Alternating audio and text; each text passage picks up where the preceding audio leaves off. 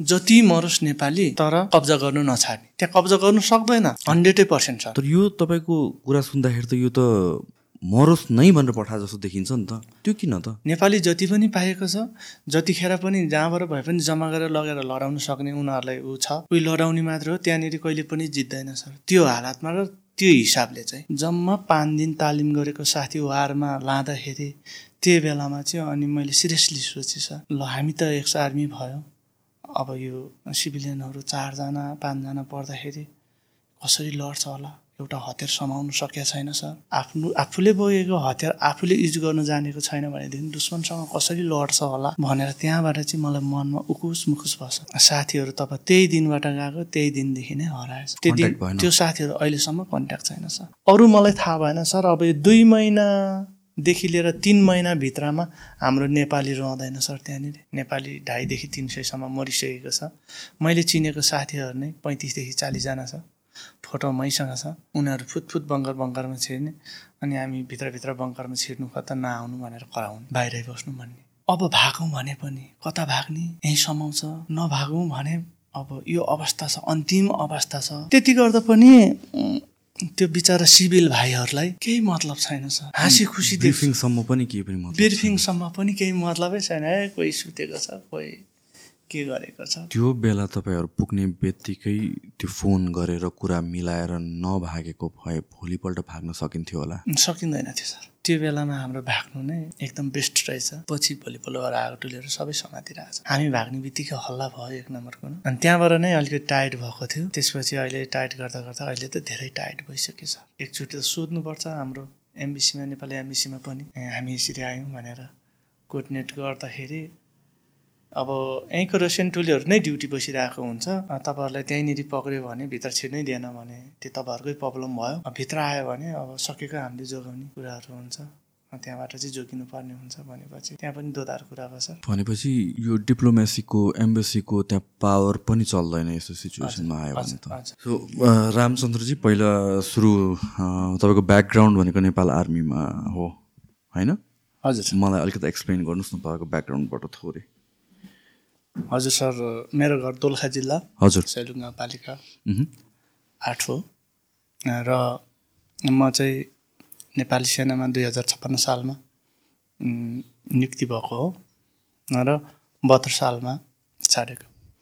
So भनेपछि कति वर्ष भयो? झन्डै पन्ध्र सोह्र वर्ष जस्तो भयो। हजुर सोह्र वर्ष एक महिना त्यस्तै समथिङ छ सात दिन। सो लर अफ थिङ्स मैले लाइफमा गरेको छु लर अफ बिजनेस भेन्चर्स या प्रोजेक्ट्सहरू त्यो सबैको लागि चाहिने मेन थिङ भन्नु भनेको चाहिँ एउटा डिसिप्लिन हो र इफ मैले अहिले हेर्दाखेरि इफ मैले एक्सर्साइज नगर्ने भएको भए वर्कआउट नगर्ने भएको भए सुन्दाखेरि अचम्म लाग्ला तर त्यो नगरेको भए मसँग त्यो डिसिप्लिन चाहिँ बिल्ड हुन्थेन होला। When I am going to work out every single day या हप्तामा चार दिन पाँच दिन छ दिन कमिट गर्छु एउटा डायटको लागि कमिट गर्छु एउटा हेल्दी बडीको लागि कमिट गर्छु त्यो डिसिप्लिन सबै ठाउँमा चाहिँ काम लाग्ने रहेछ कि एन्ड त्यसको लागि म फिटनेसलाई ह्युज इम्पोर्टेन्ट रोल दिन्छु मेरो लाइफमा एन्ड आई फिल लाइक सबैजनाले सम सोर्ट अफ एक्सर्साइज चाहिँ गर्नुपर्छ। सम सोर्ट अफ फिटनेस जर्नीमा कमिट गर्नुपर्छ। So if you are planning to get started into fitness किनभने कतिजनालाई के भइरहेको हुन्छ भनेपछि म जोइन गर्छु म स्टार्ट गर्छु म एक्सर्साइज गर्न थाल्छु भनेर हाफ हार्टेडली कमिट गरेर हुन्छ या चाहिँ पछि पछि पछि भनेर सारेर आएको हुन्छ कि if you are serious about it एउटा जिम जोइन गर्नुहोस्। द फिजिक वर्कसप छ। सो द फिजिक वर्कसप हामीहरूको चारवटा लोकेसनमा छ। महाराजगञ्ज मैतीदेवी बानेश्वर र कुमारी पार्टीमा छ। र त्यहाँ चाहिँ तपाईँले इफ फर्स्ट टाइम जिम गर्न थाल्नु भएको छ भने पनि त्यहाँ एक्सपिरियन्स ट्रेनरहरू हुनुहुन्छ जसले चाहिँ फ्रेन्डली वेमा बिगिनरहरूको लागि सबै सिकाइदिनुहुन्छ। तपाईँकै बडीको लागि हुने गरिकन तपाईँकै गोलको लागि हुने गरिकन एक्सर्साइज प्लान र डायट प्लान किनभने सबैलाई सेम प्लानले काम नलाग्न सक्छ। उहाँहरूले हेरिदिनुहुन्छ। र सिमिलरली यो चारवटा लोकेसन भन्नु भन्ने बित्तिकै त्यहाँतिर चाहिँ तपाईँले जुन ब्रान्चमा जाँदाखेरि पनि भयो एउटा जिमको मेम्बरसिपले and on top of that दुई दिनको फ्री ट्रायल छ कम्प्लिटली फ्री तपाईँ जानुहोस् एक्सर्साइज गरेर हेर्नुहोस् तपाईँ जोइन गर्नु हुँदैन भने पनि नो प्रब्लम केही पैसा तिर्नु पर्दैन। तपाईँलाई रमाइलो लाग्यो भने मन पऱ्यो भने चाहिँ जोइन गर्नुहोस् तपाईँलाई फिट भएको जस्तो लाग्यो भने जोइन गर्नुहोस्। र स्पेसली अहिले करेन्टली डिस्काउन्ट्सहरू पनि छन्। So if you are interested यहाँ गिभन नम्बरहरूमा तपाईँले कल गर्न सक्नुहुन्छ र कल गरेर बुझ्दा हुन्छ। जोइन गर्नुहोस् ट्राई गर्नुहोस्. फिटनेस जर्नी आज नै स्टार्ट गर्नुहोस्। यो डिसिप्लिन हाम्रो लाइफमा इम्पोर्टेन्ट छ। एन्ड डिसिप्लिन भनेको एकैचोटि होइन अलि अलि अलि गरेर बिल्ड भइरहेको छ। So do it for that भए पनि। Start right now the physique workshop so अनि त्यसपछि रिसेन्टली तपाईँ रसियन आर्मीमा पनि हुनुहुन्थ्यो। हजुर पछि गएर म त्योभन्दा अगाडि फेरि म दुबईमा थिएँ। दुबईमा समथिङ साढे सात वर्ष। साढे सात वर्ष दुबई बसेर त्यसपछि म रसियामा पुगेँ। रसियामा कसरी पुग्नुभयो किन पुग्नुभयो? त्यो कथा के छ त्यसमा? हजुर सर रसियामा चाहिँ म दुबईमै छँदाखेरि रसियनमा रसियन आर्मीमा धेरै साथीहरू चिनेकै साथीहरू त्यो ठाउँमा पुगेर अब त्यस्तै कुराहरू हुन्थ्यो उनीहरूसँग। र टिकटकमा पनि र हरेक भिडियोहरूमा पनि देखिरहन्थेँ र बुझ्थेँ मैले। अनि र मैले पनि बुझ्दाखेरि अनि रसियन आर्मीमा ठिक छ राम्रो छ सेलरी पनि राम्रो छ भन्ने कुराहरू त्यस्तै पाउला गर्नु पऱ्यो। र त्यो ठाउँमा पुग पुगेँ सर सो त्यहाँ वार भइरहेछ र वारको कस्तो सिचुएसन छ भनेर क्लियर पिक्चर थिएन हामीसँग? जाने जानुभन्दा अगाडि बुझ्नु भएको थिएन कस्तो सिचुएसनमा छौँ हामी भनेर। सुन्नमा चाहिँ आएको थियो सर त्यो ठाउँमा अब वार चलिरहेछ भन्ने सुनेको थिएँ किनकि अब सत्र अठार महिना भइसकेको। थाहा थियो हामीलाई नै थाहा थियो। र अब शान्ति पनि हुन्छ। अब यत्रो वार त भइसक्यो अब शान्ति हुन्छ छिटै। भन्ने कुराहरूमा पनि ध्यान आकर्षण भयो हाम्रो चाहिँ। हामी चाहिँ शान्ति हुन्छ अब छिटै हामी जाँदा ओर्दा तालिम गर्दा दुई चार महिना तालिम गर्दा ठिक टाइम हुन्छ होला। सायद हामी मौकामा पो छिर्छु कि। भन्ने एउटा आश पनि सर। अनि त्यही हिसाबले गर्दाखेरि।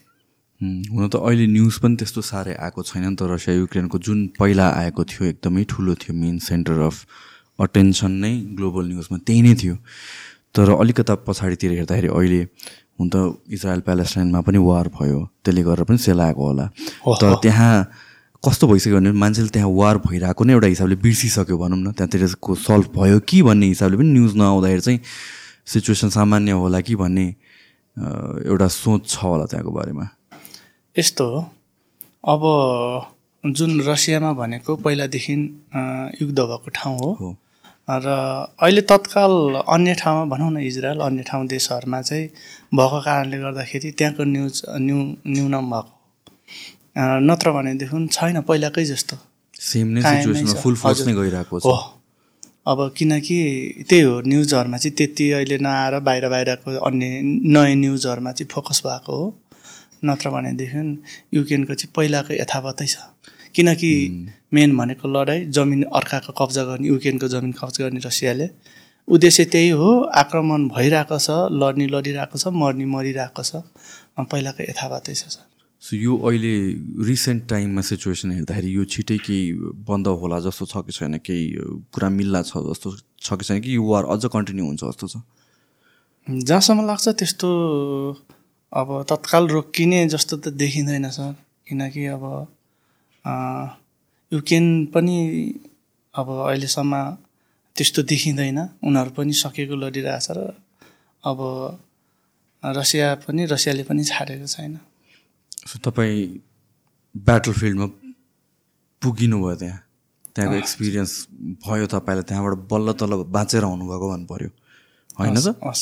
पुग्नु चाहिँ कसरी भयो? दुबईबाट के थियो? म अलिकता मैले डिटेलमा लग्न खोजेँ किनभने यो एक्सपिरियन्स तपाईँको. एक्सपिरियन्स हो होइन? Okay sir. किन कतिजनाले चाहिँ यहाँ के प्रब्लम छ भने चाहिँ हामीले सुन्छौँ। युक्रेन र रसियाको वार भइरहेको भने दुई वर्षदेखि सुनिरहेको छौँ। तर त्यो भने के हो भनेर चाहिँ एउटा नर्मल सिभिलियनले बुझ्नै सक्दैन। वार भने कस्तो हुन्छ बुझ्नै सक्दैन। र जुन हिसाबले अर्को डर के पनि छ भने भनेपछि अब त्यो हाम्रो देशको पोलिटिक्स भन्ने इकोनोमी भन्ने खत्तमै छ हेर्नुहोस्।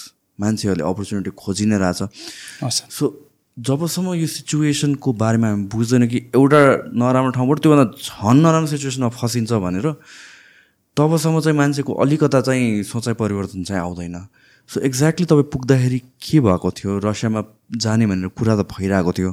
त्यहाँ वार सकिन्छ होला मेबी जानु मात्र हुन्छ राम्रो पैसा आइन्छ होला तर वार मेबी लड्नु पर्दैन होला भन्ने हिसाबले वार सकिन्छ होला मिल्छ होला भन्ने हिसाबले जाने सोचमा आयो।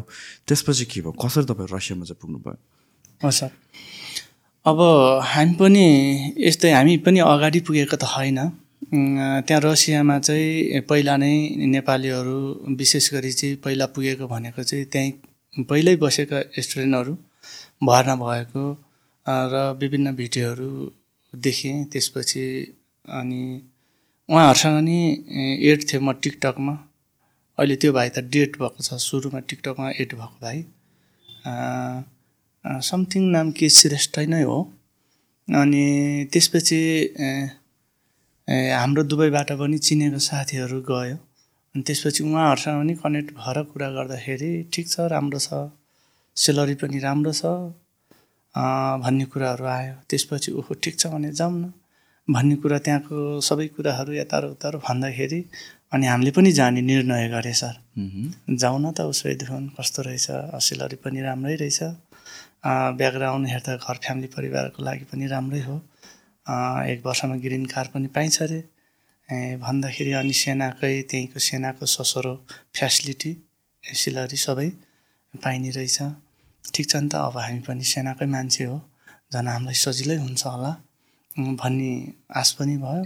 अनि त्यही आशले गर्दाखेरि भिजिट भिसा आफैले लगाएर साथीहरूले भनेको अनुसार कुनै एजेन्ट थोरको चाहिँ भएन। एजेन्ट मार्फत जाँदाखेरि पाँच सात लाख रुपियाँ लाग्ने रहेछ र अनि त्यसपछि कहाँबाट जाने कहाँ भिसा लाउने कसरी जाने रहेछ भन्ने कुराहरू सबै बुझेपछि अनि जे होस् अलिक थोरै पैसामा तिन लाख जति पैसामा अनि हामी त्यहाँ पुग्न सफल भए सर। सो रसियामा फर्स्ट कहाँतिर ल्यान्ड गर्नुभयो? हो। यहाँबाट डाइरेक्ट हामी डाइरेक्ट फ्लाइट त हुँदो रहेछ सर। डाइरेक्ट फ्लाइट पनि दुबईबाट त हुँदो रहेछ। तर हामी त्यहाँबाट जस्ट कस्तो नाम भुलेँ मैले। अनि यता काजाखस्तान हुँदै अनि त्यसपछि हामी रसिया मस्को एयरपोर्टमा ल्यान्ड भयो। त्यसपछि अनि हामी त्यहाँबाट सजिलैसँग खासै हामीलाई त्यस्तो गाह्रो भएन एयरपोर्ट छिर्नलाई इमिग्रेसनबाट अनि हामी वहीँ मस्को पुग्यौँ। मस्को पुगिसकेपछि भर्ना हुने ठाउँ कहाँ हो त भनेर त्यहाँ खोजबुज गर्दाखेरि ट्याक्सी ड्राइभरले हामीलाई डाइरेक्ट उहीँनिर पुऱ्याइदिए सर। एयरपोर्टबाट डाइरेक्टली हजुर भर्ना हुने ठाउँमै। भर्ना हुने ठाउँमा पुगेपछि त्यहाँनिर नेपाली भनेपछि सर चेप्प समातेर भर्ना गर्ने ठाउँ रहेछ। अनि गाह्रो होला केही फिजिकली फिटनेस केही ऊ लिन्छन् होला टेस्ट लिन्छ होला भने जस्तो लागेको थियो। तर त्यो होइन रहेछ। डाइरेक्ट अनि त्यो ठाउँमा गेटमा पुगेपछि नेपाल भनेर हात खडा गरिसकेपछि अरू त बुझ्दैन रसियनले। नेपाल भनेपछि नेपाल भनेपछि बुझ्दो रहेछ र नेपाल भनेपछि च्याप्पा समातेर लगेर अनि हाम्रो डिटेल पुरै भरेर अनि त्यसपछि समथिङ तिन घन्टा जतिमा सबै तयार बनाइसकेपछि अनि मेडिकल अन्त्यमा त्यो चेस्टको र अनि ब्लड। चेस्टमा खराब देख्नु भएन र ब्लडमा खराब देख्नु भएन। बास अरू त्यो हाइट पनि हेरेको छैन सर वेट पनि हेरेको छैन। मान्छे हल्का बाङ्गो भयो नि केही फरक परेन। त्यस्तै नर्मली अठार वर्षदेखिको पचास वर्षसम्मको मान्छेलाई चाहिँ जस्तो भए पनि अनि लिने। त्यति खराब चाहिँ देख्नु भएन। चेस्ट खराब र ब्लड खराब नत्र भने जस्तो मान्छेलाई पनि लिने। सिभिलियन होस् एक्स आर्मी होस् त्यहाँ गएपछि जस्तो मान्छेलाई पनि लिने। सो यो जुन रिक्वायरमेन्टहरू चाहिँ एकदमै भनौँ न सजिलो सहज भयो होइन? जो प्रायः भनेपछि चेस्ट र ब्लडमा प्रब्लम छैन भनेपछि लियो। यो फेरि नेपालीहरूको लागि मात्र हो कि रसियनहरूको लागि त फेरि छ होला रिक्वायरमेन्ट सबैलाई त्यही नै हो सर। यो वारले भएर होला सायद। पहिला अब आर्मीमा छनौट हुँदा त त्यस्तो त हुँदैन। कुनै पनि आर्मीमा हुँदैन। तर यो अहिले वारले गर्दाखेरि चाहिँ त्यो हिसाबले छनौट भयो जोस म्यान पावर चाहियो उनीहरूलाई। सो छनौट भइसकेपछि त्यो तिन घन्टामै तपाईँको लियो उनीहरूले। त्यसपछि चाहिँ के हुने रहेछ? त्यो छनौट भइसकेपछि अनि तत्काल त्यहीँनिर एटिएमहरू त्यहीँ तयार पारिदिने सर तुरुन्तै। कस्तो? आफ्नो पर्सनल बैङ्क कार्ड पर्सनल। पैसा ब्यालेन्स जस्तै सेलरी आएपछि एटिएममा हालिदिने बैङ्कमा हालिदिने। त्यहाँ तुरुन्तै काम एकदमै फास्ट हुने सर। सबै कामहरू त्यहाँ तयार पारिदिइसकेपछि अनि फाइनली अनि त्यसपछि मेडिकल रिपोर्ट पनि आउँछ। तुरन्तै अनि मेडिकल रिपोर्ट भएपछि। अनि त्यसपछि बस कार्ड दिन्छ। अनि त्यसपछि पाँच दस दिन रेस्ट गर्ने कि बाहिरै बसेर डाइरेक्ट क्याम्प जाने भनेर अप्सन पनि दिँदो रहेछ सर।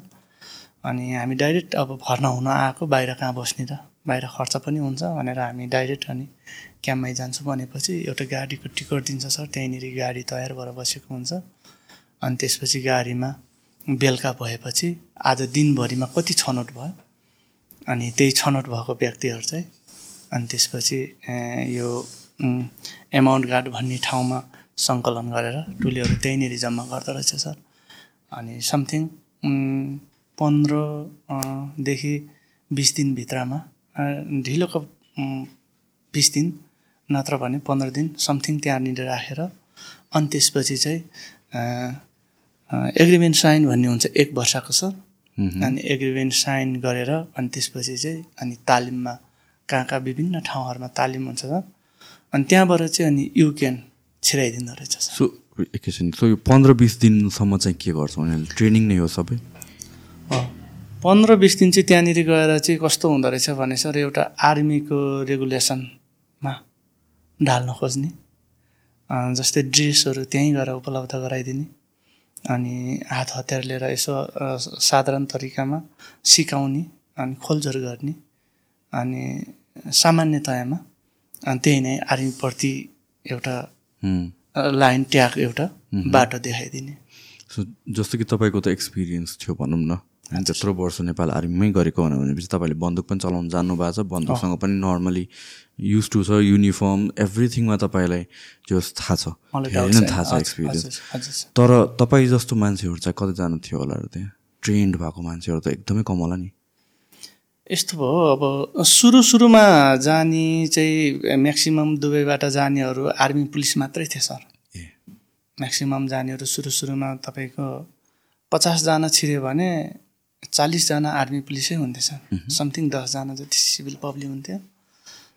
र त्यसपछि आर्मीहरू बाहिरबाट अन्य ठाउँबाटहरू धेरै छिरिसकेपछि पछि पछि पछि पछि चाहिँ सबै जाने भने जति चाहिँ नेपालतिरबाट पछि पछि सबै सिभिल मात्रै भएछ।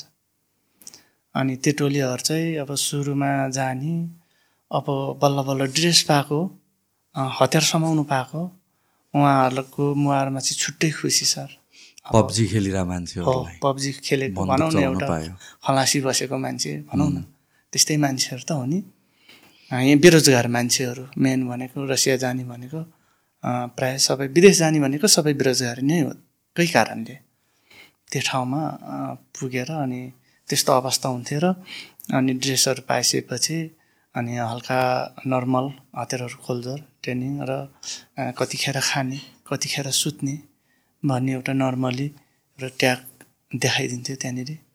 र ग्रुपमा वाट्सएप जोइन हुन्थ्यो र अनि वाट्सएप च्याट हुन्थ्यो। केही समस्या पऱ्यो भने वाट्सएप मार्फतै ट्रान्सलेट गरेर हेर्ने। उहाँहरूले रसियन भाषा नै बोल्ने हो रसियनले त नेपाली नै बोल्न आउनु इङ्ग्लिस पनि नबोल्ने मान्छेहरू हुन्थ्यो। र त्यस अनुसारले त्यही पन्ध्रदेखि बिस दिनसम्म समथिङ त्यहाँनिर राखेपछि चाहिँ तालिमको लागि चाहिँ रसियामा हुँदैन थियो युक्रेन छिराउँदैछ तालिमको लागि नै युक्रेनमा? हो। तालिम पनि युक्रेनमै गर्ने हो र प्लस लडाइँ पनि झन् युक्रेनमै युक्रेनमा चाहिँ कसरी तालिमको लागि पठाइन्छ? किनभने रसियाले कन्ट्रोल गरेको एरिया युक्रेनको? यस्तो हो अब त्यो पनि कन्ट्रोल गरेको एरियामा हो तर सेफ एरिया हो तालिम गर्ने भनेको चाहिँ। सेफ एरिया हो अब तर कतिखेर अब फाइटरहरूले आएर हान्नु त्यो आफ्नो ठाउँमा छ। तर युक्रेन भए पनि जो सेफ एरिया हो। सो जुन तपाईँको अगाडि सोचाइ थियो सबैजनाले भनेको हिसाबले अब वार सकिन लागेको छ वारमा जानु पर्दैन होला या गइहाल्यो भने पनि त्यस्तो क्रिटिकल सिचुएसन छैन। तपाईँलाई कहिले रियलाइज भयो कि ए यो त साँच्चैको ठुलै वार भइरहेछ अहिले पनि भनेर? त्यो चाहिँ जस्तै पन्ध्र बिस दिन एमआर एमएन गार्डमा बस्दाखेरि चाहिँ खासै त्यसको अनुभव भएन। वार चाहिँ हल्का फुल्का चलिरहेछ भन्ने कुरा हुन्थ्यो तर हामीलाई अब त्यतिखेरसम्म मेरो आफ्नो नजिकको साथीहरू पनि वारमा परेको थिएन। र अर्को कुरो फेरि रसियनहरूसँग हामी नजिक हुन्न थियो थाहा हुन्न थियो भाषाको प्रब्लमले गर्दाखेरि। अनि त्यस कारणले गर्दा सबै नर्मलै देखिन्थ्यो सबै हाँसी खुसी नै देखिन्थ्यो। कसैले पनि केही पनि भनेको छैन हजुर भनेको थिएन। तर पहिला अब त्यो तिनजना चाहिँ डेथ भयो अरे भन्दाखेरि एक दुईजना त हुने रहेछ लडाइँमा भने जस्तो लाग्थ्यो। अनि वार्डमा भइहाल्छ एक दुईजना भन्ने सामान्य जस्तो लाग्थ्यो। सो कतिजनाको डेथ भएको रहेछ खासमा चाहिँ? सुरुमा त त्यही तिनजना भएको हो। र पछि म त्यहाँबाट तालिममा जब पढेँ तालिममा पढ्ने बित्तिकै अनि हामीभन्दा अगाडिको सिनियर साथीहरू वारमा पढ्न थाल्यो। त्यसपछि म त्यहाँबाट अर्को ठाउँ तालिम गर्नु गएँ सर। त्यो ठाउँबाट यो एमनगाडा रुस्तम सिटी भन्ने ठाउँमा। रुस्तम सिटी भन्ने ठाउँमा पुगेपछि तब तिन दिन चार दिन समथिङ भइसकेपछि अर्को हामीभन्दा सिनियर एक दुई दिन अगाडि आउने साथीहरू वारमा नाम आए सर। जम्मा पाँच दिन तालिम गरेको छ। सिभिलियन साथीहरू। एक दुईजना त एक्स आर्मी पनि थियो प्लस अरू सिभिलियन साथीहरू थियो। जम्मा पाँच दिन तालिम गरेको साथी वारमा लाँदाखेरि त्यो बेलामा चाहिँ अनि मैले सिरियसली सोचेँ सर। ओहो ल हामी त एक्स आर्मी भयो। अब यो सिभिलियनहरू चारजना पाँचजना पर्दाखेरि कसरी लड्छ होला? एउटा हतियार समाउनु सकेको छैन सर। जानेको छैन। कहाँबाट फायर गर्ने कसरी सेफ्टी हुने? एउटा ग्रेनेडहरू फायर गर्न जाने छैन भनेदेखि आफ्नो आफूले बोकेको हतियार आफूले युज गर्न जानेको छैन भनेदेखि दुश्मनसँग कसरी लड्छ होला भनेर त्यहाँबाट चाहिँ मलाई मनमा उकुस मुकुस भएछ। अनि साथीहरू पनि चिनजानको साथी हो। अब वारमा पऱ्यो म त वारमा जान्छु भन्दाखेरि त्यसपछि चाहिँ म झसँग झस्केकै छन्। अनि साथीहरू तब त्यही दिनबाट गएको त्यही दिनदेखि नै हराएछ। त्यो दिन? त्यो साथीहरू अहिलेसम्म कन्ट्याक्ट छैन सर। अनि त्यही दिनबाट गएको साथी सातजना नेपाली प्लस दुईजना इजिप्टको थियो।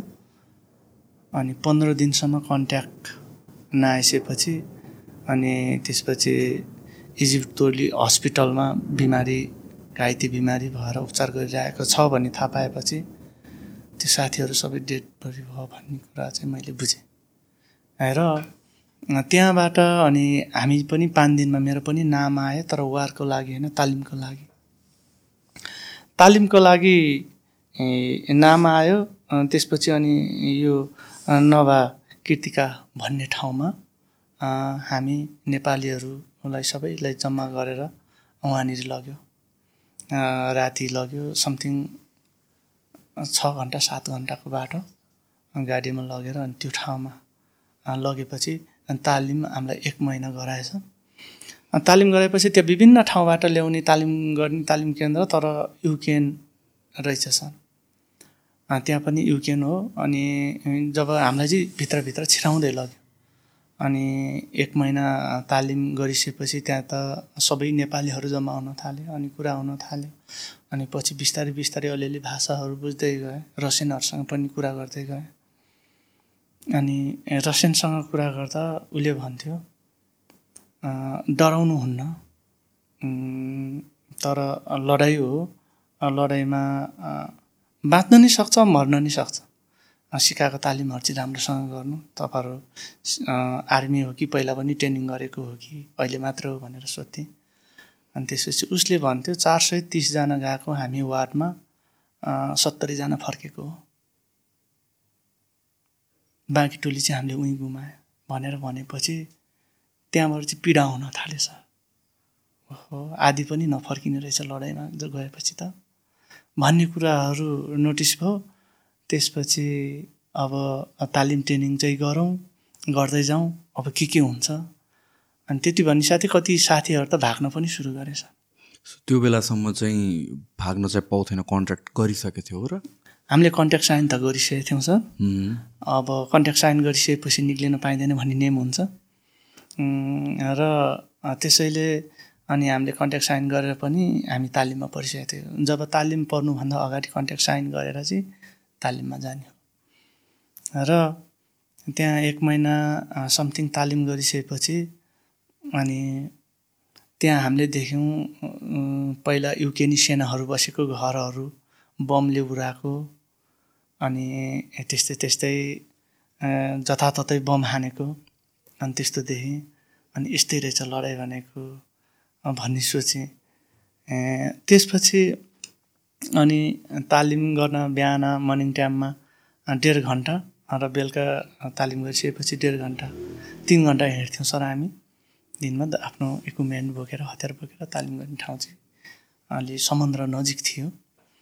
अनि त्यसपछि एक महिना हाम्रो तालिम सकिएपछि अनि त्यसपछि ल तपाईँहरूको युनिट छुट्याउँछ अब कम्पनी छुट्याउँछ। कम्पनी छुट्याएपछि आफ्नो कम्पनीमा जाने भनेर नाम तोकियो सर। नाम तोकेपछि कतिपयको नाम चाहिँ त्यति नै खेर पनि वारमा नाम आयो सर। एक एकजना दुईजना त्यसरी। हामी चाहिँ परेनौँ त्यतिखेर कम्पनीमा जाने भने। कम्पनी भनेको चाहिँ आफ्नो पल्टन जस्तो तोक्दो रहेछ सर अनि त्यसरी नै। अनि म चाहिँ तोकमक भन्ने ठाउँमा पुगेँ। तोकमक भन्ने ठाउँमा हामी पाँच सातजना ग्रुप नेपालीहरू लगेर चाहिँ अनि विभिन्न ठाउँमा विभाजन गरे कसैलाई एकजना कसैलाई दुईजना। अनि त्यसरी रसिनाहरूको ग्रुपमा राखिदिएछ। अनि त्यहाँ रसिनाहरूको ग्रुपमा राख्ने क्रममा अनि समथिङ एक महिना ड्युटी फेरि मैले त्यहाँ पनि गरेछ। एक महिना ड्युटी म चाहिँ त्यहाँनिर चाहिँ ड्युटी चाहिँ यो लासहरू गर्ने ठाउँमा ड्युटी परेको थियो। त्यो चाहिँ सेफ जोन हो सर। सेफ जोन भनेको चाहिँ बजार इलाका हो। रसियाले कब्जा गरेको ठाउँ र पुरै सेफ जोन अगाडि त्योभन्दा अगाडि फोन लाइनमा चाहिँ रेड जोन हुन्थ्यो। त्यहाँबाट बिस किलोमिटर अगाडि चाहिँ रेड जोन थियो। त्यो चाहिँ सेफ जोनै हो। त्यहाँ बसुन्जेलसम्म मलाई लडाइँको त्यति अनुभव भएन किनकि नर्मली आफू आर्मीको भएर नर्मली केही पनि थिएन तर बमहरू अगाडि रेड जोनमा हानेको चाहिँ मिनटमा चालिस पचासचोटि पर्काउँथे सर। मिनटमा। मिनटमा दिनभरि दिनौँ दिनसम्म। प्रत्येक दिन। मिनटमा चालिस पचासवटा बम पर्केको आवाज सुन्थ्यो। अनि ओहो कहाँ पर्काएको भन्दा अगाडि रेड जोनमा अनि कहिले दायाँ साइडमा कहिले बायाँ साइडमा। त्यहाँ तिन चार ठाउँ छ सर डेन्जर इलाका भनेको। अनि रेड जोन भनेको त्यहीँनिर। त्यहाँसम्म चाहिँ कब्जा गरिसकेको रसियाले। समथिङ पच्चिसदेखि तिसवटा नेपालको सब समथिङ नेपाल जत्रो कब्जा गरिसकेको छ रसियाले। कब्जा गरेको ठाउँहरूमा चाहिँ विभिन्न ठाउँहरूमा तालिम गराएर अनि एक समथिङ एक महिना पन्ध्र दिन दुई महिना कसैले साढे दुई महिनासम्म ट्रेनिङ गराएर अनि विभाजन गर्थ्यो र हामी त्यो ठाउँमा तालिम गरेर त्यो ठाउँमा पुगेका थियौँ अनि त्यसपछि हामीलाई ढुक्क बसर रेड जोनमा डाइरेक्ट परेन। अब यो ठाउँमा आएँ।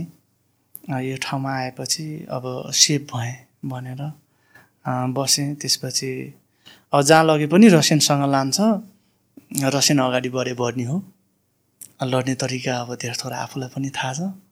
उनीहरूले अब जे भए पनि उनीहरूको कासन कमानमा लड्ने हो।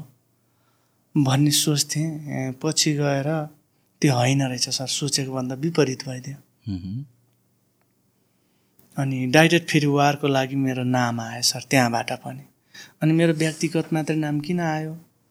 भनेर मैले सोच्दा माथिबाट आएको हो भने माथिबाट कहाँबाट आयो थाहा ठिक छ?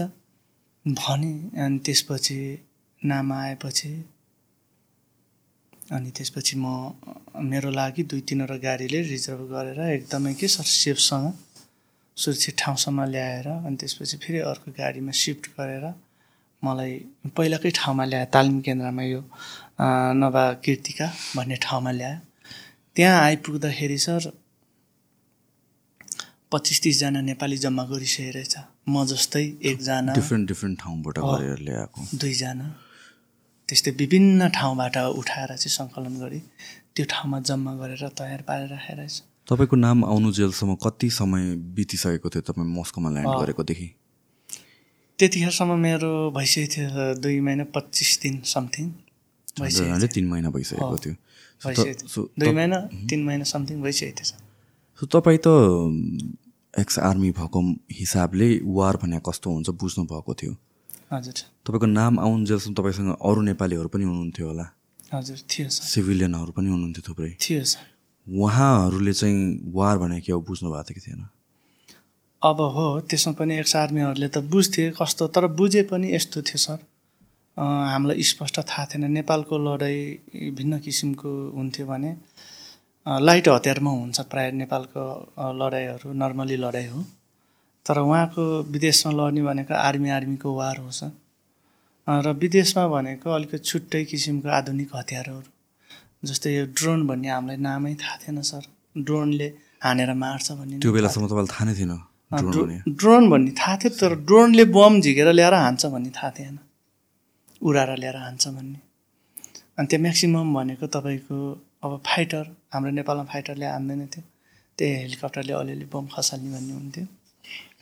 म्याक्सिमम् फाइटरले अनि त्यसपछि ट्याङले अनि त्यसपछि अनि ट्याङहरूले नभ्याएको ठाउँमा चाहिँ ड्रोनले चाहिँ खोजी खोजी कहाँ कहाँ मान्छे बसेको छ भनेर खोजेर माथिबाट हेरेर अनि त्यसरी हान्ने अनि प्लस लास्टमा भनेको अनि हतियारले तपाईँको नाम आउने बेलामा अरूहरूको रियाक्सन कस्तो थियो नेपालीहरू सिभिलियनहरू कति कुराहरू सुन्दाखेरि उनीहरूले नि कति कुरा सिरियस पनि लिने हो कति कुरा उनीहरूले त्यति दिमागमै नलिने क्या सर? हाई हेलो लड्न आएको हो लड्नुपर्छ त भन्ने।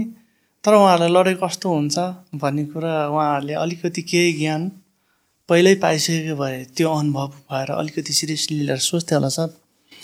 उनीहरूलाई त्यो ज्ञानै छैन। थिएन। जब लडाइँमा परेपछि त्यो अनुभव बुटुल्नै पाएन। प्रायः सबै मर्दिन् त्यहाँ गएपछि। त्यस्तो अवस्था थियो।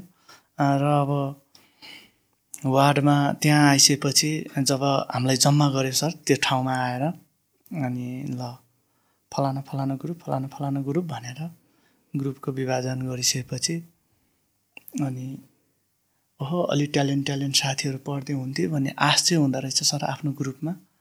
अनि प्रायः सबै सिभिलियन छ। सबै सिभिलियन तपाईँको ग्रुपमा नेपालीहरू? हजुर दुईजना थियो। जम्मा बाइसजनामा चार चारजना कि पाँचजना एक्स आर्मीहरू थियो। अरू सबै नै सिभिल थियो सर। अनि त्यो बिचरा सिभिलहरूले ट्रेनिङ पनि नर्मल पाएको। अर्को नम्बर कुरो अब लडाइँको अनुभव केही पनि नभएको। अनि त्यसपछि एकैचोटि वार्डमा जाने भनेर त्यसपछि भोलिपल्ट ल जाने गाडीमा भनेर तयार पार्नु लागेछन्। अनि त्यसपछि त्यो रातभरि सुतेन म। वार भनेपछि घर फ्यामिली परिवारलाई मैले सत्य कुरा बोलेँ म वारमा जाँदैछु। मेरो टेन्सन नलिनु। म फर्केर आउँछु। भन्दाखेरि अब बुढीहरू भावुक भएछन्। सबैजना आफ्नो घर फ्यामिली परिवारहरू। र भाग्यमा रहेछ बचे पनि। र तपाईँलाई कति लागेको थियो कि तपाईँ साँच्चै फर्केर आउनुहुन्छ भनेर चाहिँ? Fifty percent. फिफ्टी फिफ्टी राखेको थिएँ सर।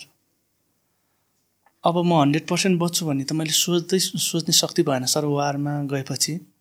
मैले फिफ्टी पर्सेन्ट चाहिँ म बाँच्छु र आफ्नो सैनिक कलाहरू जति सिकेको छ पहिला आफ्नो युनिटमा तालिम गर्दाखेरि र एक्स्ट्रा आफ्नो दिमागमा राखेको थिएँ सर छुट्टै। म यो पनि युज गर्न सक्छु अन्त्य अवस्थामा अघि मैले कुरा गरे झैँ। आफैले आफ्नै शरीरमा कुनै भागमा आफैले गोली हानेर भए पनि मर्ने अवस्था भयो भने त्योभन्दा अलि अगाडि नै आफैले आफैलाई गोली हानेर कुनै भागमा हानेर पनि म ब्याग हुन सक्छु क्याजी ब्याग हुन सक्छु घाइते भनेर। त्यतिसम्म मैले नलेज गरेको थिएँ त्यतिखेर सर। अनि जब लडाइँमा अनि त्यसपछि गाडीमा हालेर लग्यो समथिङ हामीलाई चार पाँच घन्टा पाँच छ घन्टा जति छ सात घन्टा जति अनि गाडीमा राखेर लगेपछि तकमक भन्ने एरियाबाट अगाडि रेड जोन अनि त्यहाँबाट लगेपछि समथिङ पन्ध्र किलोमिटर अगाडि तकमकबाट गएपछि त्यो ठाउँमा क्लोज गरे सर सबैजनाहरूलाई अनि रसिनहरू आठजना थियो। र नेपाली बाइसजना थियो। रसियन र नेपालीहरू मात्र थियो त्यो तपाईँकोमा ग्रुपमा? थिनलाई एकजना अफ्रिकाको पनि थियो। अरू चाहिँ रसियनहरू र ताजिकिस्तानको तिनजना रसियन चारजना थियो। रसियन चाहिँ फेरि गुरुजी थियो। गुरुजी अनि प्लस त्यहाँनिर अफसर थियो। एकजना अफसर थियो।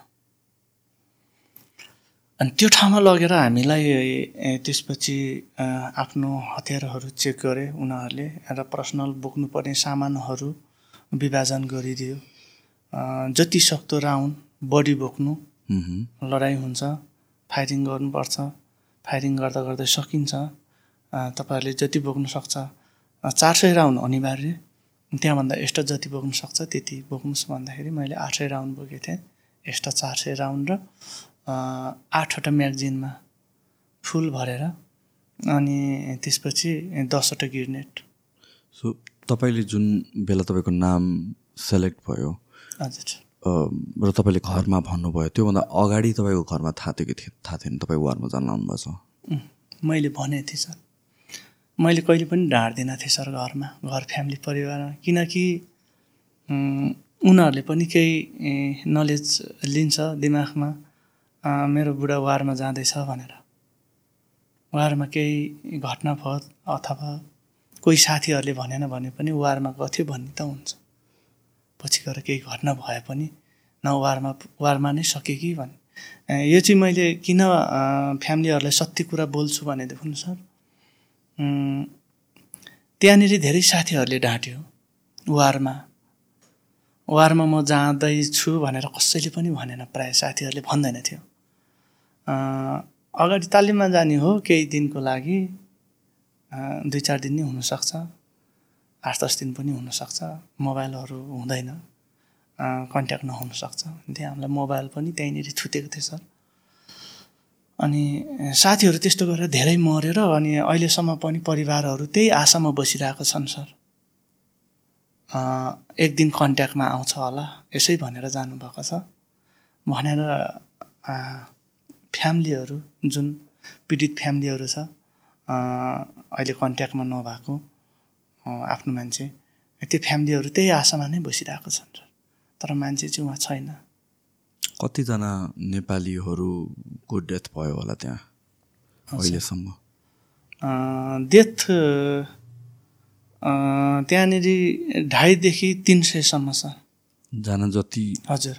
सकिसक्यो त्यहाँ। मेरो हिसाबमा छ। नेपालीहरू किनकि मैले चिनेकै साथीहरू पैँतिसदेखि चालिसजनासम्म छन्।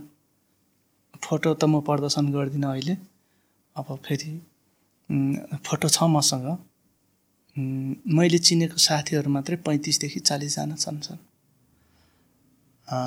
र जुन मेरो कुरा अगाडि बढाउँ जुन म वार्डमा भाग लिएँ होइन सर? त्यहाँबाट जुन हतियार एमुनेसनहरू बोकाएर र त्यहाँ चेक जाँच भएर को कोले कति बोकेको छ भन्ने कुराहरू अनि त्यसपछि हामीलाई त्यहाँबाट मुभ गराएँ। मुभ गराएर अनि एक ठाउँ बिर्फिङ लिए सर। बिर्फिङ चाहिँ कुनै अब सानो मोडल पनि होइन एउटा क्लोथ मद्राल जस्तो पनि होइन। एउटा सिङ्काले कोरेर एउटा राउन्डले भित्तामा त्यत्तिकै यसरी कोरेर रसिनले भनेको बुझ्दा नि बुझ्दैन। अब मैले त त्यो भनेको बुझेन भनेपछि त्यो सिभिलियनहरूले बिचरा के बुझ्यो होला र? अनि एउटा यसरी एउटा धर्क दिएर यहाँबाट हाम्रो ट्याङ्कले सपोर्ट दिन्छ। यो दुश्मनको पोइन्ट। यहाँनिर अर्को हाम्रो फायर सपोर्ट हुन्छ। नेपाली ग्रुप चाहिँ बिचमा हुन्छ। म्याक्सिमम् उम्, हामी दुईदेखि तिन घन्टासम्म यहाँनिर हानेर बर्बाद गर्छौँ त्यो पोस्टलाई। र त्यो बर्बाद भएपछि हाम्रो ड्रोन गएर एकचोटि चेक गर्छ। त्यहाँनिर हाम्रो दुश्मनहरू छ छैन कति बर्बाद हो। त्यसपछि हामीले त्यहाँनिर चेक गरेपछि नेपालीलाई अगाडि बढ भन्छौँ हामी सेटमा। त्यसपछि अगाडि बढेर त्यहाँ पोस्ट कब्जा गर्ने। भन्ने चाहिँ रसियनले ब्रिफिङ दिएको थियो त्यहाँनिर कमान्डरले। उनकै भाषामा। अनि हामीलाई इङ्ग्लिसमा एकजना भाइले ट्रान्सलेट गरेको थियो। ल है यस्तो भनेको छ। त्यो उहीँ पढ्ने भाइले स्टुडेन्ट भाइले उसलाई बिचरा आर्मी यो तालिमको केही नलेज लडाइँको केही नलेजै छैन। अनि उहाँलाई नै तपाईँ सेक्सन कमान्डर बन्ने भनेर उहाँलाई नै सेक्सन कमान्डर दिएको थियो सर उहाँलाई केही पनि थाहा छैन। लडाइँ भनेको के हो कसरी लड्नुपर्छ हामी कसरी अगाडि बढ्ने आफ्नो साथीलाई कसरी जोगाउने त्यो ठाउँ कतिजना भनौँ युक्रेनी सेनाहरू छ हाम्रो दुश्मनहरू छ र त्यो हाम्रो कतिवटा भित्र ट्रेन छ कतिवटा हामीले कभर गर्नुपर्छ कति फराकिलो जमिन छ केही पनि थाहा छैन सर। त्यो पनि रातिको ठाउँमा गएर छामेको भरमा पत्ता लगाउनु पर्ने जस्तो अवस्था छ सर। आँखाले देख्दैन। अनि मलाई एकदम गाह्रो भयो सर। अनि त्यहाँ पुगेपछि चाहिँ अब भागौँ भने पनि कता भाग्ने? यहीँ समाउँछ नभागौँ भने अब यो अवस्था छ अन्तिम अवस्था छ। त्यति गर्दा पनि त्यो बिचरा सिभिल भाइहरूलाई केही मतलब छैन सर। हाँसी खुसी ब्रिफिङसम्म पनि केही पनि बिर्फिङसम्म पनि केही मतलबै छैन है कोही सुतेको छ कोही के गरेको छ कोही खानेकुराहरू भकाएर होला बिचराहरू। त्यस्तै के बिस्कुट सिस्कुट के खाइरहेको छ। अनि जाने बेलामा पनि मैले पनि बिस्कुटहरू यति आदि इत्यादि के के चाउचाउ राखेर गएको थियो। अनि अब रेड जोनमा जाने होला त्यस्तो वारै त होइन होला भनेर मैले के के यस्तो सामानहरू आफ्नो प्रा टोइलेट पेपरहरू यताउति पनि राखेको थिएँ। मेरो सबै फालिदियो सर कमान्डरले। अनि ओहो धेरै समस्या रहेछ। किन फालिदिनुको कारण चाहिँ के हो? त्यो? चाउचाउहरू चाउचाउहरू अब खाने मौका नहुने रहेछ सर त्यो ठाउँमा वारमा। खानेकुरा केही पनि खाने मौका नै नहुँदो रहेछ सर। त्यो हिसाबले बोक्नु पर्दैन भनेर झिकिदियो। त्यसपछि ठिक छ भने त्यो ठाउँमा पुगेपछि अनि त्यो बिर्फिङ भए बिर्फिङ भएर हाम्रो त्यो सिभिलियन भाइहरूलाई कमान्डर बनायो। अनि त्यतिखेर नै मेरो मन आत्यो सर। जब रसियन टोली नै एकजना हाम्रो एकजना दुईजना ग्रुपमा लिडरसिप कमान्डर भएर अगाडि बढाएको भए अलिकति मोरल हुन्थ्यो। म एउटा नेपाली सेना भएको नाताले गर्दाखेरि त्यो अनुभव भयो। अब उहाँहरू चाहिँ पुरै ब्याग हुने पछाडिबाट कमान्ड गर्ने अगाडि बढ नेपाली अगाडि बढ भनेर। अनि त्यो जान्दै नजानेको हतियारै बोक्नु नजानेको भाइहरू अब दुश्मन कसरी अट्याक गर्ने अब त्यहाँ कति फौज छ त्यहाँ अगाडि अप्टिकल कस्तो छ त्यो एउटा केही पनि थाहा नै छैन अनि त्यस्तो ठाउँमा एक्कासी अनि त्यति सानो बिर्फिङले गर्दाखेरि अनि कसरी अट्याक गर्छ होला भनेर मलाई एकदम सकास पर्छ। लड्न त लड्ने हो लड्ने भनेर नै आएको हो। तर अब कस्तो लडाइँ हुन्छ होला भन्ने मनमा एकदमै खुल्दोली भयो। त्यतिकैमा अब म टेन्सनमा एकतिर सोच्ने त्यस त्यस्तै भयो। गर्दा गर्दा दस एघार बजिसकेपछि लभ मुभ गराउने भन्यो। अनि त्यसपछि एउटा जिपएमजी थियो सर एउटा जिपएमजी यता म हान्थेँ मैले पनि धेरै हानेको खेलाएको पल्टनमा। अनि त्यसपछि यो जिपएमजी कसले खेलाउन आउँछ? त्यो जिपएमजी पनि सपोर्ट हतियार पनि हाम्रै टोलीलाई बोक्नु लायो। अनि मैले चाहिँ भने हामीलाई आउँदैन यो कोहीले पनि खेलाउँदैन यो हान्न आउँदैन भनेर भने। खेलाउन आउँथ्यो तर त्यो रसियन टोली पनि हाम्रो ग्रुपमा छिर्दैदेखि आउँदैन भन्यो भने रसियन ग्रुप पनि हाम्रोमा छिर्थ्यो नि त सर। अनि छिर्थ्यो ऊ भए पनि त नि ओहो रसियन पनि छ है हामीसँग। रसियन भएपछि त उसले ब्याग भने ब्याग हुने हो लड भने अगाडि उनीहरूसँगै बढ्ने हो भन्ने एउटा आश हुन्थ्यो नि सर। अनि त्यति गर्दा पनि त्यो जिपेन्जी उनीहरूले नै बोक्यो तर सपोर्टमा नै राखेन सर। पछाडि नै बसिराख्यो। उनीहरू पछाडि नै बस्यो तर हाम्रो ग्रुपमा नै आएन। तपाईँहरूलाई उनीहरूकै। वेपन चाहिँ के हो? वेपन हाम्रो त्यो एटी फोर्टी सेभेन हो नर्मल लाइट हतियार सानो हतियार। अनि द दसवटा किडनेट बोक्नेले पाँच सातवटा पाँच पाँचवटा नि बोकेँ कसैले दसवटा बोकेँ म्याक्सिमम् राउन्ड। अनि बोकेर अनि त्यसपछि हामीलाई ट्रकमा राखेर ल टाइम भइसक्यो। अब जानुपर्छ अब। भनेपछि हाम्रो टास्क पुरा गर्नु नै पर्ने हुन्छ। भन्यो। अनि त्यसपछि कोही छ नसक्ने आदि इत्यादि भन्ने कोही पनि केही पनि हुँदैन सर त्यहाँ पुगेपछि। सिर्फ जाने लड्ने। लड्ने कि मर्ने कि मार्ने? उद्देश्य त्यति मात्रै भयो कि मर्ने कि मार्ने? मार्न त के सक्थ्यो? गएर मर्ने हो। अवस्था त्यस्तो थियो। अनि हामीलाई एकैचोटि गाडीमा खाँदेर लग्यो। गाडीमा खाँदेर लगेपछि समथिङ पन्ध्र किलोमिटर जति लगेपछि त्यहाँभन्दा उता गाडी जाँदैन थिएछ अनि त्यहाँबाट जाने भनेर ट्याङ्कहरू मात्रै जान्थ्यो। यो दिउँसोको समय हो कि रातिको समय? रातको समय सर। रातको दस बजिसकेको थियो। सो प्राय वार हुने भनेको त्यतिखेर राति नै हो। राति टाइम नै राति। जति नै कब्जा गर्ने वार हुने भनेको रेड हान्ने भनेको बिहान समय सुत्ने बेलामा हो सर। खास सबै निदाको बेलामा तिन बजेपछि। खास रेड हान्ने भनेको तिन बजेपछि हो। जब मान्छे तिन बजेपछि तिन बजेसम्म निदाउँदैन तिन बजेपछि सुतेपछि त्यो सुतेको मौका मान्ने हो। र त्यहाँबाट हामी टरकमा गएपछि अनि दुई टिप गऱ्यो दुई टिप गरिसकेपछि त्यो ठाउँमा पुगेपछि ट्रेन तयार भएर बसेको रहेछ। टरक पनि अन्न धुन्न एक सय बिसको स्पिडमा बत्ती नेभाएर सर। बाटो कसरी देख्छ त त्यस्तो बेलामा चलाउने? एक्सपिरियन्स ड्राइभर त्यो लडाइँमा मान्छे लगिराखेको ड्राइभर हुँदो रहेछ। त्यो लडाइँमा एकचोटि मात्र होइन धेरै नेपाली मारिसकेको ठाउँ रहेछ सर। तपाईँ त्यहाँ पुगेपछि थाहा भयो। अब अगाडि गएर लडाइँ भयो भन्ने हामी साथी ग्रुप च्याटमा हुन्थ्यो। कुन ठाउँमा कसरी लाँदो रहेछ भन्ने कुरा तब आफू पुगेपछि थाहा भयो। अनि त्यहाँदेखि नै पिछा गर्दो रहेछ सर ड्रोनले र माथिबाट फाइटरहरूले। एनिमीको गर्यो। ड्रोनहरू आइसक्यो त्यहाँ। ड्रोनहरू वरिपरि आउने।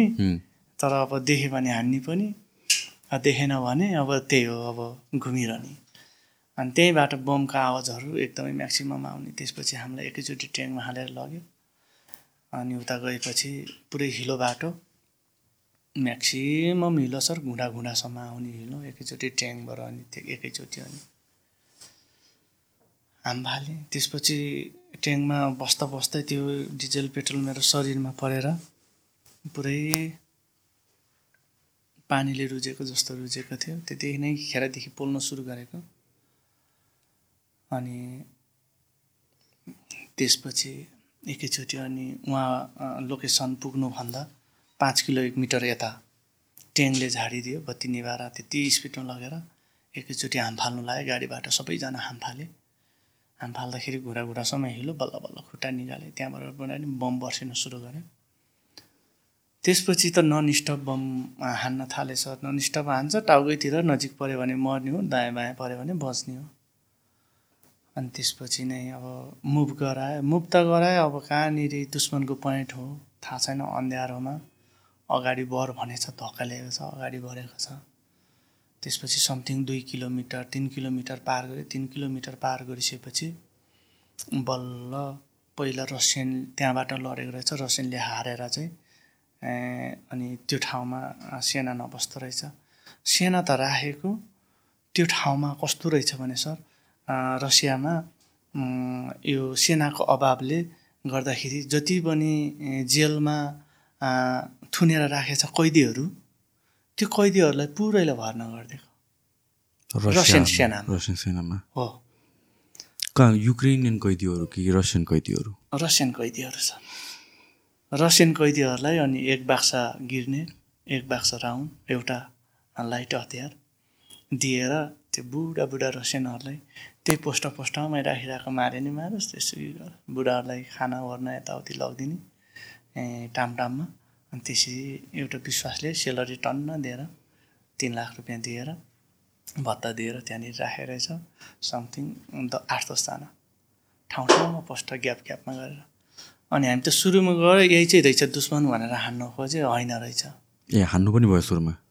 हान्न खोज्दाखेरि हामीभन्दा अगाडि गुरुजी थिएर रोक्यो नत्र भने हामीले हान्ने थियो नि सर। दुश्मन भनेर हामीलाई त थाहा छैन। अगाडि भेटेको छ। अनि होइन यो यस्तो हो यहाँनिर यतिजना छ भनेर हामीलाई त्यहाँ पुगेपछि थाहा भयो जसँग अब हो। यहाँ यस्तो तरिकाले राखेको रहेछ भन्ने कुरा। त्यसपछि लगेर एकै ठाउँ बङ्करमा राख्यो। बम नन स्टप हामी गएपछि थाहा पाएर नन स्टप हानिरहेछ सर। बङ्कर र यस्तो कोरलमा गएपछि सेफ हुन्थ्यो। त्यसपछि समथिङ एक किलोमिटर रहेछ त्यहाँनिर त्यो कोरल बङ्कर। एक किलोमिटरको। अनि त्यो कोरलै कोरल कोरलै कोरल। अनि गएर जाँदाखेरि अन्त्य ठाउँमा पुग्दाखेरि कोरल सकेर अन्त्य ठाउँमा पुग्दाखेरि त्यही पोइन्ट रहेछ अगाडि चाहिँ युकेन डिफेन्स लिएर बसेको ठाउँ। हामीले जुन हमला गर्ने भनेर आएको लोकेसन त्यो ठाउँमा अनि पुगेपछि सर हामी नजिक पुगेपछि एकैचोटि फायर आएछ बटटट फायर आयो अगाडिबाट। अनि दुश्मनको फायर रहेछ भने बल्ल थाहा भयो। अनि त्यसपछि हामी ब्याग भयौँ ब्यागबाट तुरन्तै त्यो लसङ पसङ गर्ने कुरा होइन ज्यानको बाजी हुन्छ सर एकैचोटि हाम फाल्ने कसरी हुन्छ घोप्टो पर्ने सेफ हुने सानो पोजिसन बन्ने। रसियनहरू बाट सर पहिला थुप्रैचोटि गइसकेर लडाउने मात्रै रहेछ नेपाली अगाडि धकेलिदिने मात्रै रहेछ। उनीहरू फुतफुत बङ्कर बङ्करमा छिर्ने अनि हामी भित्रभित्र बङ्करमा छिर्नु कता नआउनु भनेर कराउने। बाहिरै बस्नु भन्ने। अनि कुरलमा त्यस जसो तसो आफ्नो सैनिक कलाहरू लुकाएर आठ पक्रेर ज्यान जोगाए त्यतिखेर। त्यसपछि बरु फायरिङ परिसकेपछि अनि त्यसपछि बरु सुरु भयो सर हाम्रो लडाइँ। फायर गर्न छाडेपछि फेरि अगाडि बर भने अगाडि गऱ्यो फायरिङ आउँछ त्यसपछि आठ पक्रियो अगाडि जाने पछाडि हट्ने अगाडि जाने पछाडि हट्ने भयो। अँध्यारोमा मेरो बडी कुन मेरो साथी कुन पहिला सेक्सन विभाजन त गऱ्यो आफ्नो बडी बडी पनि गऱ्यो। लडाइँमा परेपछि त अब कोही घाइते हुन्छ कोही मर्छ सर। त्यहाँ बडी भन्ने पनि हुँदैन को को भन्ने एउटा तितर बितर हुन्छ सर त्यहाँनिर। आठ पक्रिनु त कोही ओल्लो छेउ पुग्छ कोही पल्लो छेउ पुग्छ। त्यो पनि अब थोरै ग्रुप अलि धेरै भए पनि आँट आउँथ्यो। अनि थोरै ग्रुप बाइसजना जम्मा नेपाली। अनि रसियनहरू भएको सात आठजना त्यो पनि सबै कमान्डर कमान्ड गर्ने मात्रै भइदिएछ त्यहाँनिर। नेपालीमा पनि अब त्यो सिभिलियन भाइहरूले पन्ध्र दिनको ट्रेनिङ लगेर सिकाएर गएको भाइहरू उनीहरूले सेट बोकेर गएको कमान्ड गरेको। अब के सकिन्थ्यो सर त्यो पनि? अब मजबुत उता युक्रेनले डिफेन्स लिएर बसेको ठाउँ छ सर। अब हामी गएर त्यहाँनिर लड्न कसरी सक्थ्यो र? सम्भवै छैन। अनि त्यसपछि त्यति गर्दा पनि हामीले जसो तसो लडे सर। नौ दस बजे नौ बजेसम्म लडे सर। बिहानको? नौ बजेसम्म ल हजुर रातभरि लडेर नौ बजेसम्म लड्दाखेरि धेरै थोरो राउन्ड सक्यो। अब गिर्नेटहरू चाहिँ हान्नेन। अनि त्यसपछि उज्यालो भएपछि अब धुममा पानीहरू पनि परिरहेछ सिमसिम। अँध्यारो अँध्यारै छ आठ नौ बजीसम्म। अनि त्यसपछि अब उज्यालो भयो अब ब्याक गर्ने भन्यो अनि ब्याक गरेँ फेरि फौज। ब्याक गरेर अनि हल्का ब्रिफिङ जस्तो कमान्डरहरूले त्यहीँनिर रसियन कमान्डरहरूले ब्रिफिङ गर्यो त्यसपछि हाम्रो कोही पनि घाइते भएको छैन नेपाली कोही पनि मरेको छैन सबै सेफ थियो। अनि उनीहरूले प्लान गरे अहिले त कोही पनि मरेकै छैन घाइते भएको छैन कहाँ भ्याग हुने अब लड्ने हो भन्ने उनीहरूले प्लान गरे। अनि त्यसपछि तपाईँको नौ दस बजे बाह्र बजे एक बजेको घाममा लडाइदियो सर। उनीहरूले ताकी ताकी हान्ने लुकेर हाम्रो आठ छैन अगाडि। अनि त्यहाँबाट सुरु भयो सर मेन लडाइँ भनेको चाहिँ घाम लागेपछि। उनीहरू डिफेन्स लिएर मजबुतसँग बसेछ सर चुप्प लागेर हामीलाई माथिबाट म्याक्सिमम् ड्रोनले पनि त्यत्तिकै हमला गरेर हानिरहेको छ सर। त्यो पनि हामीले छलिरहेको छौँ। अब ट्रेनले पनि त्यत्तिकै हानिरहेछ। हाम्रै ट्रेनले पनि परबाट सपोर्ट दिएर हानिरहेछ हामीलाई नै हाम्रैतिर आइरहेको छ। अनि त्यहाँनिर त एकदमै खतरा बढ्यो सर झनै। अब ज्यान कसरी जोगाउने? अब चाहिँ हन्ड्रेडमा नाइन्टी फाइभ मर्ने फाइभ पर्सेन्ट चाहिँ बच्छ कि? भन्ने मात्रै आश भयो सर। अनि त्यसपछि पछाडि हट्नु खोजे अगाडि बढ अगाडि बढ दबाई दबाई भन्ने त्यहाँनिर छिटो अगाडि बढ हिँड भन्ने चाहिँ उनीहरूको भाषा हो दबाई भनेको। अनि त्यसपछि अगाडि बढ मात्रै भन्छ त्यसपछि विषम लडाइँ पऱ्यो सर। अब फायरिङ त अब त्यही असिना बसेको छ जतिखेर पनि non stop sir non stop पर्खेको पर्खेको हानेको छ पर्खेको छ। त्यसपछि जब एक बज्यो एक बजिसकेपछि हाम्रो साथीहरू धेरैजना मर्न थालेछ। धेरैजना घाइते हुन थाल्यो अनि कसैको हातमा लाग्ने कसैको टाउकोमा लागेर अब टाउको उड्ने कसैको खुट्टा चुट्टिने कोही घाइते हुने। अनि त्यो घाइते हुने साथीहरूलाई नि ब्यान्डेज गरिदिनुहोस् न भनेर साथीले भन्दा पनि ब्यान्डेज गर्न सकेन फर्स्ट इयरको सामानहरू पुरै थियो। फर्स्ट इयरको सामान भए पनि उसलाई बचाउने कुनै आधार नै भएन। उसलाई बचाउनु खोज्दा आफै नै मर्ने अवस्थाहरू भयो। अनि त्यसपछि घाइते हुने साथीहरू पछाडि हट्यो। अनि त्यसपछि अब मर्ने देतभरि त्यहीँ मरिहाल्यो। अनि अगाडि बढ्ने त कुनै उपाय नै भएन सर। उनीहरूको सबै चिजले फाइटरले पनि हान्ने ड्रोनले पनि ताकी ताकी हान्ने अनि तल ट्रेनले पनि हान्ने उनीहरूको पछाडि ट्रेन ल्याएर ट्रेनले मजाले हान्न थाल्यो। अनि त्यसपछि उनीहरूको लाइट वेपन अनि लन्चर सपोर्टिङ हतियारहरू सबैले हान्न थालेपछि अनि त्यो घाइते हात छुटेको साथीहरूलाई नि डबल डबल थप्थे सर तिनीहरूले फेरि। डबल डबल थप्थ्यो भन्नाले एकचोटि अब घाइते भइसकेको छ अब ऊ उठ्न सकेको छैन त्यो माथि पनि ड्रोनले फेरि लन्चरहरूले ताकेर हानेर फेरि उडाइदियो क्या सर अनि त्यसपछि हामी ब्याग भयौँ बाँचेको टोलीहरू चाहिँ।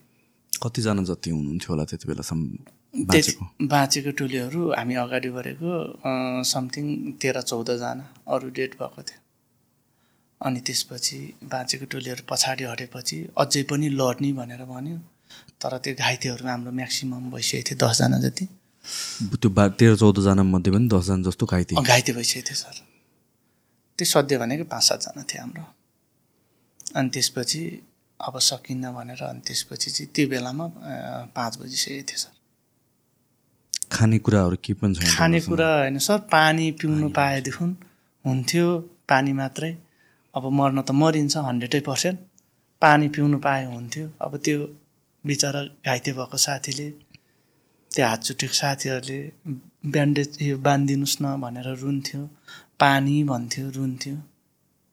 त्यो अवस्था सोच्ने अवस्था नै थिएन सर त्यो एउटा सपना जस्तो। त्यो कुनै फिल्मको लडाइँमा पनि हुँदैन सर त्यो। मैले देखेको छुइनँ भिडियोहरू पनि त्यस्तो वार भएको थियो। अनि बम आफैलाई लाग्यो भने आफू हन्ड्रेड पर्सेन्ट मर्छ गोली लाग्यो भने नि टाउकोमा लगाएर छातीमा लाग्यो भने हन्ड्रेड पर्सेन्ट मर्छ। हात खुट्टामा लाग्दै हुन्थ्यो गोली लागे पनि। भन्ने कल्पना हुन्थ्यो सर। र पछाडि अनि त्यसपछि म्याक्सिमम् घाइते र अनि डेथबरी भइसकेपछि बाँकी टोलीहरू क्याजी ब्याग हुँदै ब्याग भएपछि अनि त्यसपछि फेरि पनि अझै लड्ने भनेको थियो तर लड्न सक्ने अवस्था चाहिँ थिएन। अनि त्यसपछि पानी कहाँ हो? पानी पनि थिएन। भोक पनि भोक प्यास हराछ अनि त्यो लडाइँले शिथिल थाकेपछि सर बरु आफैलाई अब बम लाग्दिएको भए चाहिँ आनन्द हुने रहेछ। भन्ने महसुस भयो अन्तमा। त्यो शरीर पुरै थाकेछ अब आएर त्यो आधी हात काटे पनि नदुख्ने खुट्टा काट्दै पनि नदुख्ने अवस्था भइदिएको छ। थाकेर शरीर शिथिल। खानु नपाएको एक घन्टा लड्नलाई कति सकास हुन्छ सर? गणेशपुरमा हामी लडेको चार घन्टा पाँच घन्टा। लड्दा त कति सकास भयो। अब त्यो त्योको ल त्यो हिलोको लडाइँ सर दस केजी जति माटो टाँसिएको थियो शरीरमा हिलो माटो। अनि त्यसरी लड्दा लड्दा लड्दा लड्दा धेरै गाह्रो भयो। अन्तमा मलाई रिस उठेर टेन्सन भएर त्यो साथीहरूको देतबरी देखेर रसिनहरू अगाडि नबढेको देखेर मेरो दिमाग कतिखेर के भएछ थाहा भएन सर। मेरो साथीहरू त मरिसक्यो। यो अगाडि पनि बढेको छैन कमान्ड मात्रै गर्छ अगाडि बढ भन्छ। यसलाई पनि सिधाइदिउँ कि क्या हो? भन्ने मेरो दिमागमा पो त्यो आएछ सर। फेरि हतियारमा रोग पऱ्यो भने मलाई पनि मार्छ। अहिले त म जस जोगिरहेको छु भन्ने पनि सोचेँ सर। दिमागमा त्यसम्म लिएँ मैले। अनि दिमागले पनि काम गर्न पनि छाड्यो साथीहरूलाई क्याजी ब्याग गरेछ त्यो ब्यान्डेज गर्दैछ साथीलाई बोक्नु खोज्छु त्यो बोक्नु सक्दैन सर हिलोमा आफै हिँड्नु सकेको अवस्था छैन। अनि हतियारहरूले त्यो साथीको ड्रेसहरूमा बाँधेर अनि बोक्यो माथिबाट ड्रोन आएको हुन्छ सर। त्यो साथीलाई त्यही हिलोमा फालेर आफू खाल्डामा छिर्ने त्यो साथी आ गरेर रुन्छ बचाओ भन्छ। कुनै साथी त त्यसरी फाल्दा पनि राख्दिने। राख्नु त राख्नु खोज्ने अब फुत्ता फाल्नु पऱ्यो सर। आफू बच्नु पऱ्यो फेरि। म बचेँ भने उसलाई पनि बचाउन सक्ने आधार त भयो। म पनि त्यहाँ अब मऱ्यो भने ऊ पनि मर्ने भयो। त्यही भएर पनि सकेसम्म आफू चाहिँ अलिकति सेफ हुनु खोज्ने। ब्लडहरू बिल्डिङ भएछ सर। यत्रो यत्रो अब छरहरू बाहिरै देखिन्छ। कोही निक्लिएको छ त्यो निकाल्नु नि मिलेन। झन् बिल्डिङ हुन्छ। अनि साथीहरू आफूसँगैको बडीहरू मरेको देख्दाखेरि त्यो बेलामा दिमागले पनि सोच्नु सकेन। त्यसपछि त्यसपछि अनि बेलुका त्यति थोरै नफ्रीमा पनि दसजना पनि फेरि लडाउने। भन्दा चाहिँ अब पनि लडायो भने चाहिँ पहिलो गोली चाहिँ उता फायर फायरिङ हुने बित्तिकै पहिलो गोली चाहिँ म आफैले आफैलाई हान्छु र मलाई गोली लाग्यो भनेर घाइते हुन्छु र पछाडि ब्याक हुन्छु। अनि म सेफ हुन्छु। जे भयो नि मेरो शरीर चाहिँ बच्छ कुनै पनि मेरो अङ्गको एक भाग चाहिँ गुम्छ। भन्ने प्लान चाहिँ मैले बनाएको थिएँ र फर्स्ट इयरको सामानहरू पनि तयार गरेर राखेको थिएँ। म हान्थेँ पनि छ। त्यसपछि पनि अगाडि बढेको भए त अनि त्यसपछि हाम्रो टोली पुरै नै ब्याक भयो। ब्याक भइसकेपछि ल अब चाहिँ जाने। भनेर भने रुनी रुनी छ। त्यो घाइतेहरू बिचरा साथीहरू घाइते हुने साथी नजिक आएपछि अँगाला हालेछ रोएको छ। अब के गर्ने? सबैजना रुनिने भएर पनि भएन। आँसु आएको छ। भन्ने सक्ने शब्द चाहिँ केही पनि छैन। नरौ दुख्यो होला। ओहो भन्ने शब्द चाहिँ केही पनि छैन। पानी भनेछ पानी भेटेको छैन। त्यसपछि अनि ब्याग हुने भनिसकेपछि त्यो लासहरू यथावत त्यही भयो। अनि घाइतेहरू सक्दो घाइतेहरू बोक्नु सकेन त्यहीँनिर राखेँ। एउटा बङ्करमा साधारण फर्स्ट इयर गरेँ। अनि त्यसपछि हिँड्नु सक्ने मान्छेहरू र साधारण घाइतेहरूलाई चाहिँ जति सक्दो त्यहाँबाट लुकेर छिपेर कुरल गर्दै अगाडि बढाएर सुरक्षित इलाकासम्म त ल्याए। त्यहाँसम्म बम बारुदहरू नन स्टप कहिले अगाडि कहिले पछाडि खर्ने हुन्थ्यो। उताबाट बङ्ग पर्किने बित्तिकै हामी घोप्टो पर्थ्यौँ घोप्टो पर्ने बित्तिकै कहिले अगाडि कहिले पछाडि खस्थ्यौँ। अनि त्यसपछि त्यस्तै गर्दै गर्दै दौडिँदै दौडिँदै त्यसपछि चाहिँ अनि गाडीमा आइपुगेपछि गाडीमा सिफ्ट हुने बित्तिकै गाडीमा एक मिनट बराबर चढेर गाडी हाँगेर पठाइदियो पछि अनि म एउटा नर्मल केही पनि भएको थिएन र अनि फेरि घाइते टोली फेरि क्याजी ब्याग गर्न फेरि पछाडि जानुपर्छ है भनेर हतियारहरू सबै त्यहीँ फालेर अनि लाइटमा आफू हिँड्नु सक्ने हालतमा आफ्नो साथी बचाउनु पर्छ भन्ने धारणा पनि थियो। त्यसपछि अनि पछि साथीहरूलाई क्याजी ब्याग गरेँ। त्यसपछि त्यो साथीहरू पनि ल्याएर गाडी ठाउँसम्म बिस्तारै बिस्तारै लिएर आएँ। अनि पछि पनि फेरि मलाई नै लास उठाउनु पर्छ आज नै भनेर भन्दाखेरि अनि लास उठाउन पनि म तयार भएँ। सक्दिनँ सर मेरो खुट्टा फर्केको छ भन्दा पनि केही सिप लागेन। हिँड भनेपछि हिँड्नु बाध्य भयो। अनि लास उठाउने ठाउँमा जाँदाखेरि लुकी छिपी गयो धेरै बमले हाने तर लागेन। दिनभरि दुई दिन लडिसक्यो। अहिलेसम्म चाहिँ म भगवान्को हातमा भएर म बचिरहेको थिएँ। अब चाहिँ मार्ने भयो भन्ने हतियार पनि थिएन। अब कसरी सेप हुने? भनेर म म तर्क रोएँ सर। अनि रुँदै हिँड्दै गरेँ अँध्यारोमा छमछम छमछम गर्दै हिँडेँ।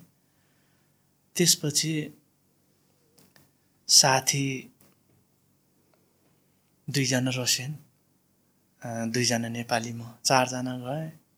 अनि त्यो लास ल्याउने भन्दा लास पुग्ने अवस्था त सक्ने थिएन।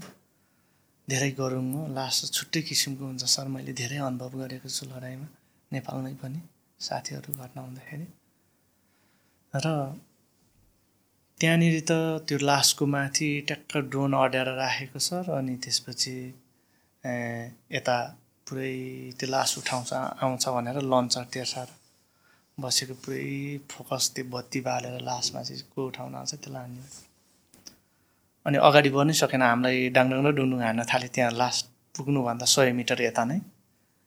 अनि त्यसपछि त्यसपछि लास्ट त्यहीँनिर चाहिँ त्यहीँनिर राखेर हामी फेरि कुरलबाट आएर अनि त्यसपछि त्यहाँबाट चाहिँ अनि क्याजी ब्याग भयो। क्याजी ब्याग भइसकेपछि अनि ब्याग भएर अनि त्यसपछि एकैचोटि ओह्रो आधा घन्टाभित्रमा ओह्रो आएर अनि त्यसपछि गाडी चढेर अनि त्यसपछि हामी विड्रोल भयौँ। पहिलाकै ठाउँमा सर पहिलाकै लोकेसनमा ल्यायो पहिलाकै लोकेसनमा ल्याएपछि अनि बेबारिसे त्यो शरीरमा मान्छे चिन्दैन थियो सर कोही पनि। अनि म पानीमा सुत्नु पाए पनि पानीमा नै सुत्थेँ। अनि बाटोमा ल्याएँ बाटोमा ल्याइसकेपछि ट्याङ बिग्रियो। ट्याङ बिग्रिसकेपछि फेरि हिँडायो हामीले हिँडायो समथिङ डेढदेखि दुई घन्टा हिँडायो। गाडी बिग्रिएपछि अनि हिँडाएपछि सुरक्षित इलाकासम्म त पुग्नुपर्छ हिँडेर भए पनि भनेर। ट्याङ र ड्रोनले पिछा गरिराखेको थियो हानिरहेको थियो त्यति गर्दा हाम्रो ट्याङमा चाहिँ परेको थिएन। अनि शरीर त मेरो त्यस्तो पुरै एकदमै पोलिरहेको थियो सर शरीरै त्यो पेट्रोल डिजेलले।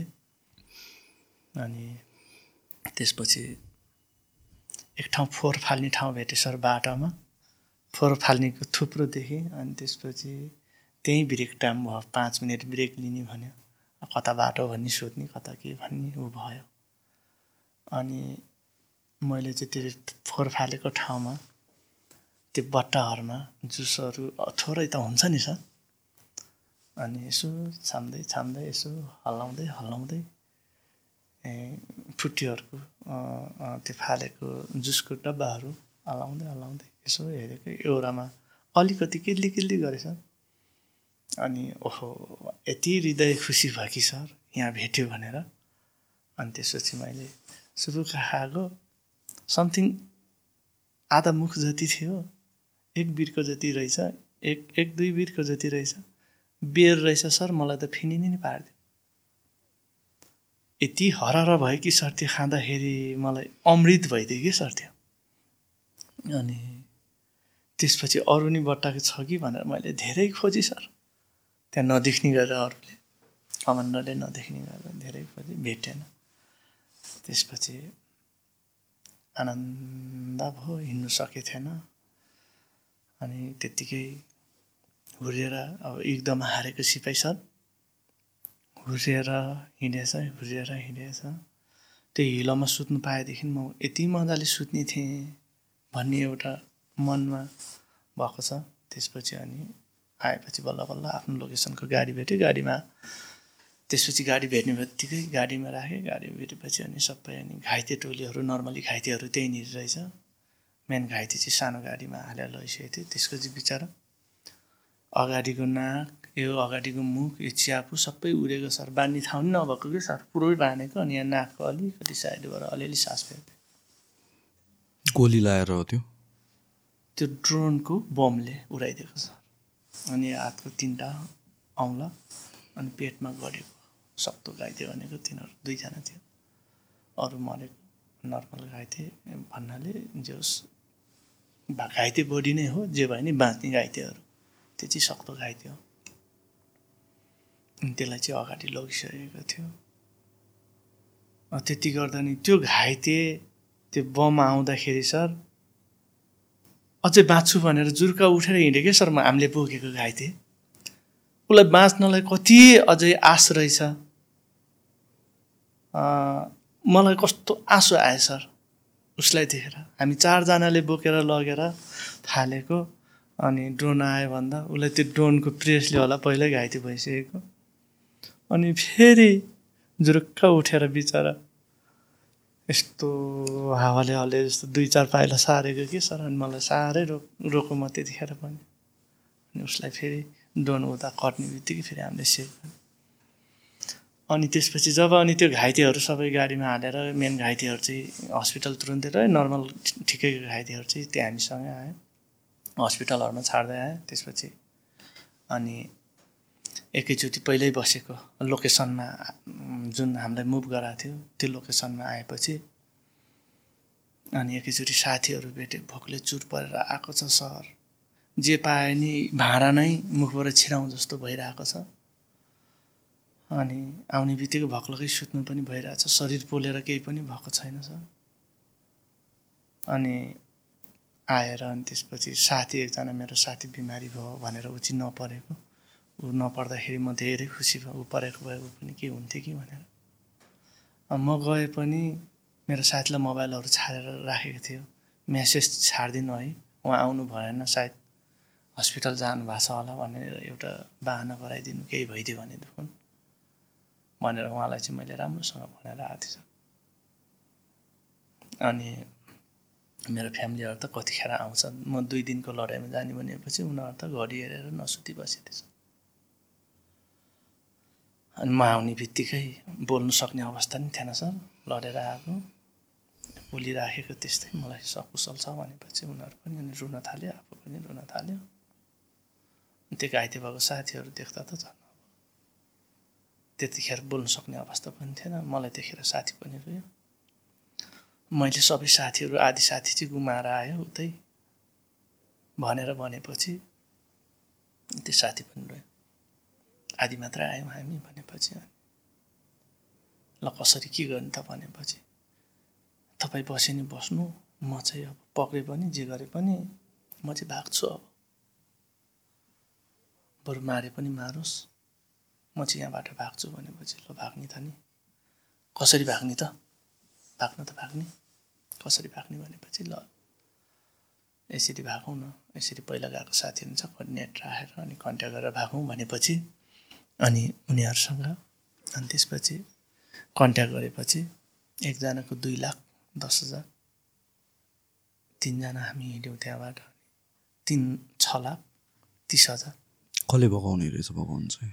भगाउनलाई त्यहाँनिर त्यस्तै एउटा सिटिङ जस्तै पठाउने मान्छेहरू पनि थियो। अनि जुन मान्छेहरूसँग कन्ट्याक्टहरू गरी पहिला भागेको साथीहरूसँग उनीहरूलाई फोन नम्बर मागेर अनि कन्ट्याक्ट गरेर त्यसपछि उतैबाट त्यसपछि अनि त्यही लोकेसनमा आयो भने थाहा हुन्छ। त्यो दिन लडाइँ लडेर आएपछि हामीलाई रेस्ट भनेको थियो। अनि रेस्ट भनेपछि अनि त्यति नै हेर। त्यही रेस्टको टाइममा अनि फर्स्ट इयर गर्छु मेडिकलमा गएर भनेर। नपत्याउँदो पोजिसनमा त्यहाँ आफ्नो भएको सरसामान सबै राखेर सिधै मोबाइल र पासपोर्ट बोक्यो अनि चप्पल लाएर अनि तिनैजना अनि चप्पल लाएर अनि हामी भाग्न सफल भयौँ सर त्यहाँबाट। अनि अर्को अर्को लडाइँ अर्को वार चाहिँ कहिले गर्ने नत्र प्लान थियो उनीहरूको? कहिले फेरि पठाउने प्लान थियो? यो हिजो आज आएको छ सर। त्योभन्दा हामी वारमा जानुभन्दा दुई दिन अगाडि पनि हामी जानुभन्दा हप्ता दिन अगाडि गएर लडेर आइसकेको टोली थियो। यो वार भनेको चाहिँ यति दिन त्यति दिन भन्दा पनि। जस्तो कि तपाईँहरू एउटा एक दिन त दुई दिन लडेर आउनुभयो। तपाईँलाई फेरि पठाउने प्लान थियो। तत्काल थिएन।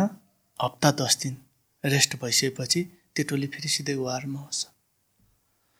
अनि मैले त्यतिखेर भाग्ने प्लान पनि अहिले त म जोगेँ यो फर्स्ट वारमा। सेकेन्ड वारमा र थर्ड वारमा त हन्ड्रेड पर्सेन्ट मार्छ नेपाली। मर्छु म।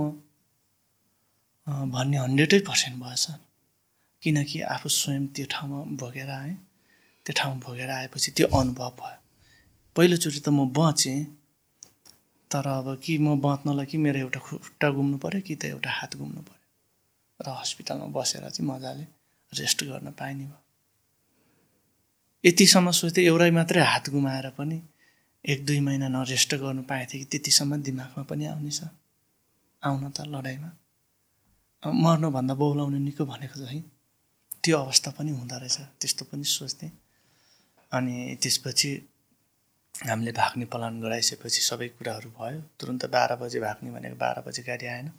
तिन बजे आइपुग्यो तिन बजे आइसकेपछि अनि हामी तिनै भाइ अनि सिट खाली राखेर आएको रहेछ गाडी तिनवटा तिनवटा सिट अनि त्यसपछि अनि हामी त्यहाँबाट अनि भाग्यौँ सर। सो त्यो त्यहाँबाट निस्किन पनि कतिको सहज थियो या गाह्रो थियो? कठिनाइ नै थियो सर। अब उनीहरूले वाच त गर्थ्यो त्यहाँनिर रसियनहरू नजिक हुन्थ्यो। हामीसँगै नसुते नि नजिक हुन्थ्यो। तर त्यो दिन अलि पत्याउने हालत चाहिँ थिएन आजै भाग्छ भनेर किनकि हामी थाकेर आएको थियो। भागे पनि भोलिपल्ट भाग्छ भन्ने अथवा राति भाग्छ होला भन्ने। उनीहरूले केही कन्सेप्टमा सोचे त्यो थाहा भएन। तर हामीले चाहिँ त्यही हिसाबमा लडेर सबै उतार्नु परेर सुतेको थियो जुन पोजिसनमा आयो त्यही पोजिसनमा थाकेर सुतेको बेलामा साथीहरूलाई नै थाहा छैन। हामी भाग्यो अहिले चाहिँ भन्दा साथीहरूले तिमीहरू यसरी जाने रहेछ। मलाई नि भनेको म पनि ज्यान बचाउने थिएँ भनेर।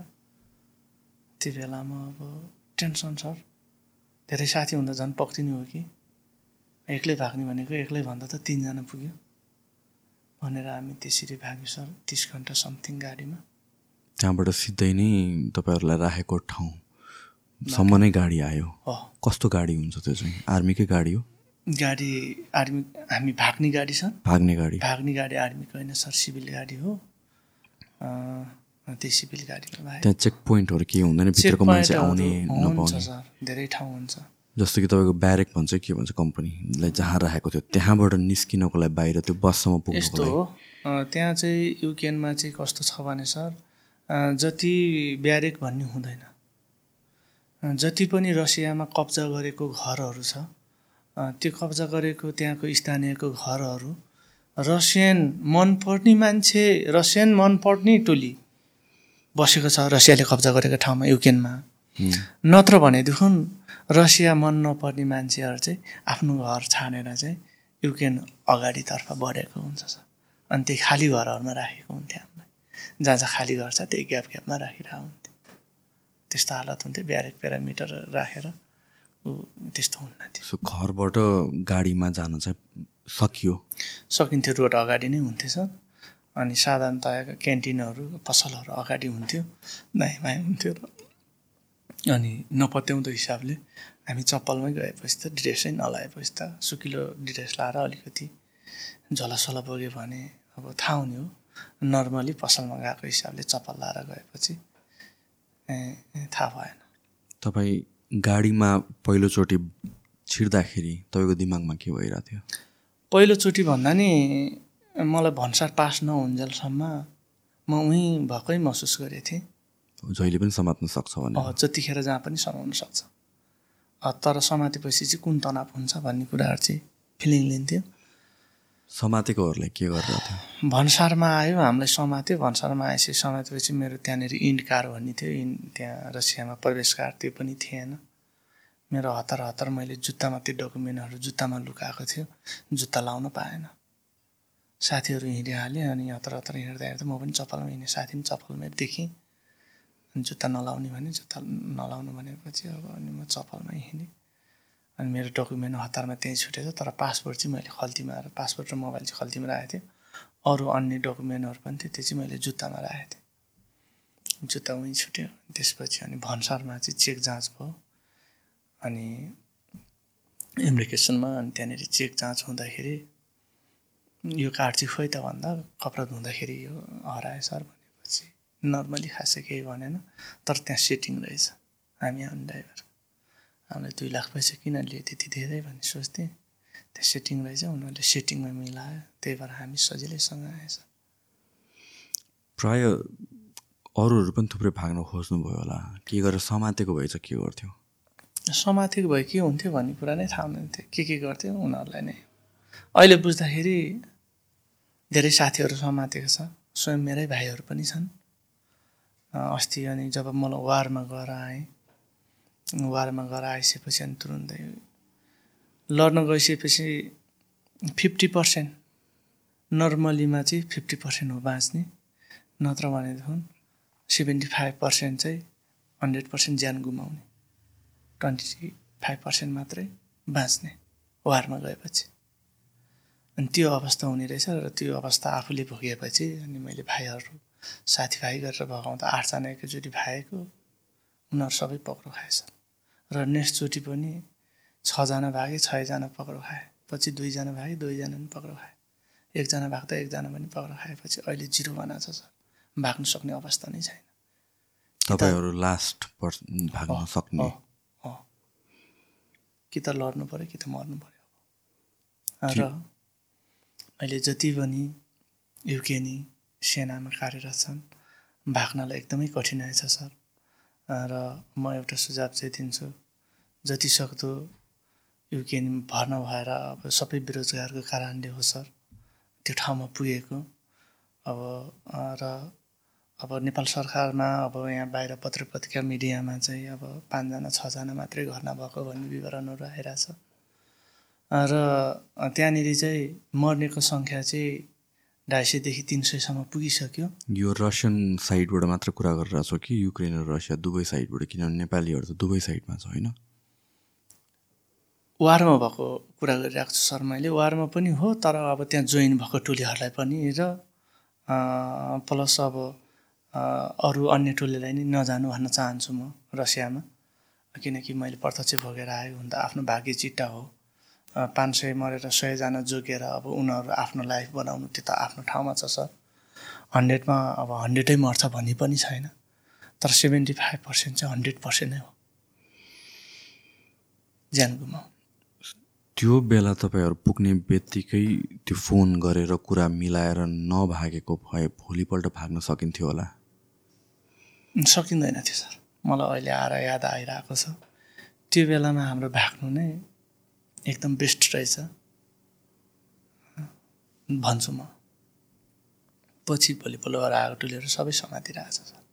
हामी भाग्ने बित्तिकै हल्ला भयो एक नम्बरको न अनि हामीभन्दा अगाडि वारमा जानुभन्दा दुई दिन अगाडि वारमा नाम निक्लिने बित्तिकै दुई भाइ साथी भएको थियो। अनि त्यहाँबाट नै अलिकति टाइट भएको थियो। त्यसपछि अहिले टाइट गर्दा गर्दा अहिले त धेरै टाइट भइसक्यो सर। अहिले कतैबाट पनि फुत्किन सकेको छैन। अवस्था त्यस्तो छ सर। अहिले एकदमै टाइट भइरहेको छ। त्यसपछि जब अनि भन्सार पास भइसकेपछि अनि बल्ल साहस आयो सर अब चाहिँ म बाँच्छु। रसियामा आएपछि त म जता नि लुक्छु पुलिसले लखेट्यो भने नि भाग्छु दौडिन्छु लुक्छु। भने जस्तो महसुस भयो डर त त्यत्तिकै छ सर। आएर एक दिन होटल लजमा बसेँ। कता मस्कोमै? हो मस्कोमा। अनि त्यसपछि मस्कोमा आएर बसेर बाहिर ननिक्लिनु। भन्ने भयो साथीहरू त्यहाँको स्टुडेन्ट एकजना साथीसँग कुरा भएर उसले सुरक्षित त्यहाँ पुलिस नआउने होटल पासपोर्ट नचाहिने होटल उम्, मा लगेर उसले राखिदिनु भयो।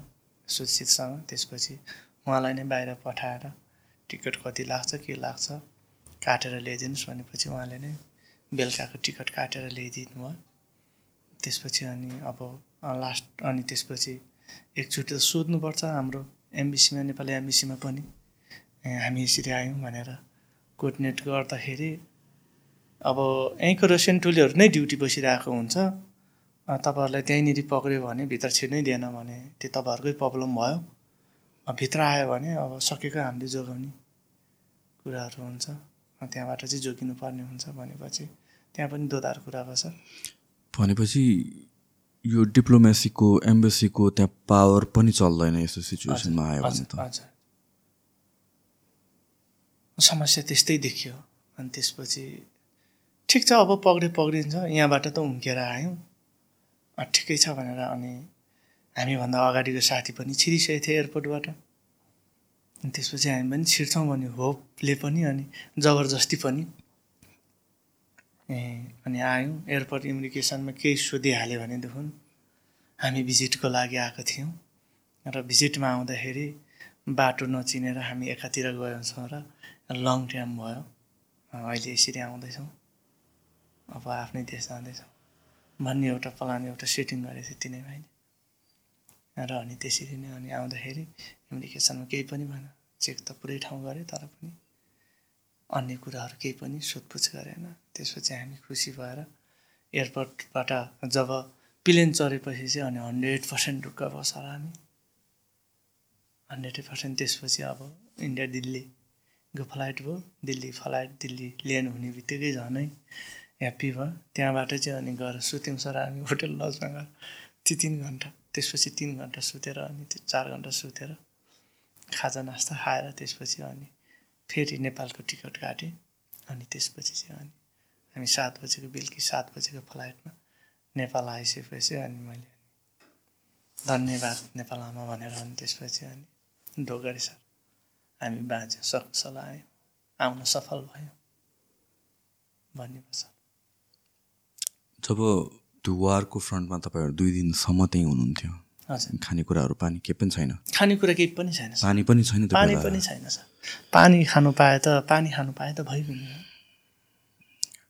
त्यो पहिलो दिन त भयो त्यत्रो वार गऱ्यो दिनभरि हिलोमा बसेछ मान्छे तपाईँहरूको साथीहरू लेफ्ट राइट मरेर आएको छ दोस्रो दिन भयो।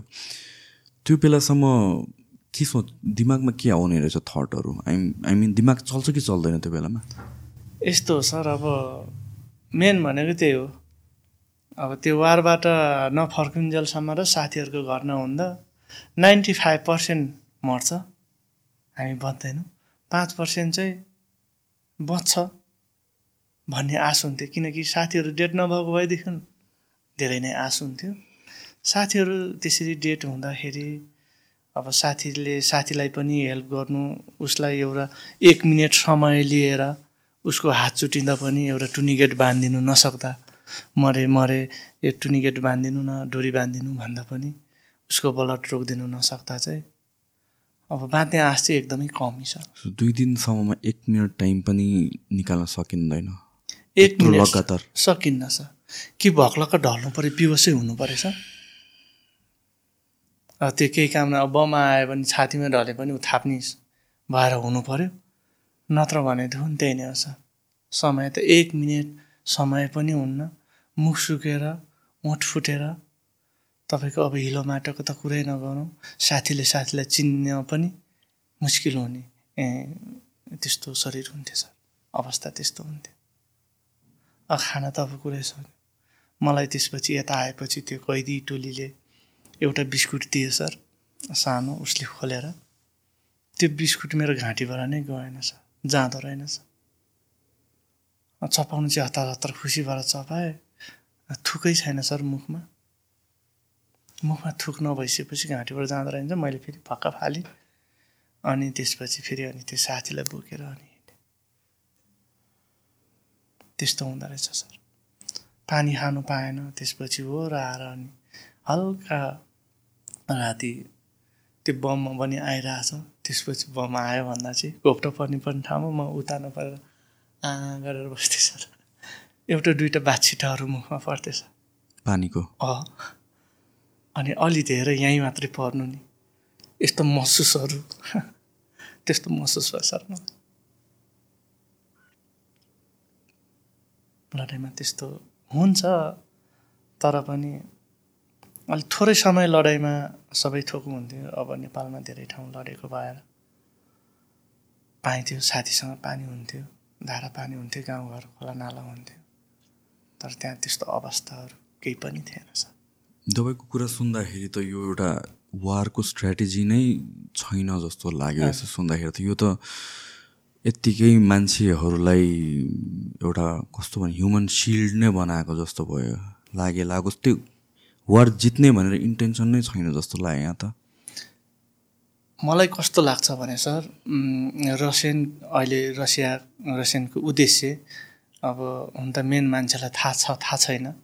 त्यहाँनिर जुन मान्छेहरूले लडाउनलाई लगिरहेको छ र लड लडेको छ त्यहाँनिर जित्नेको ऊ नै छैन सर। जित्ने कुनै सम्भावनै छैन।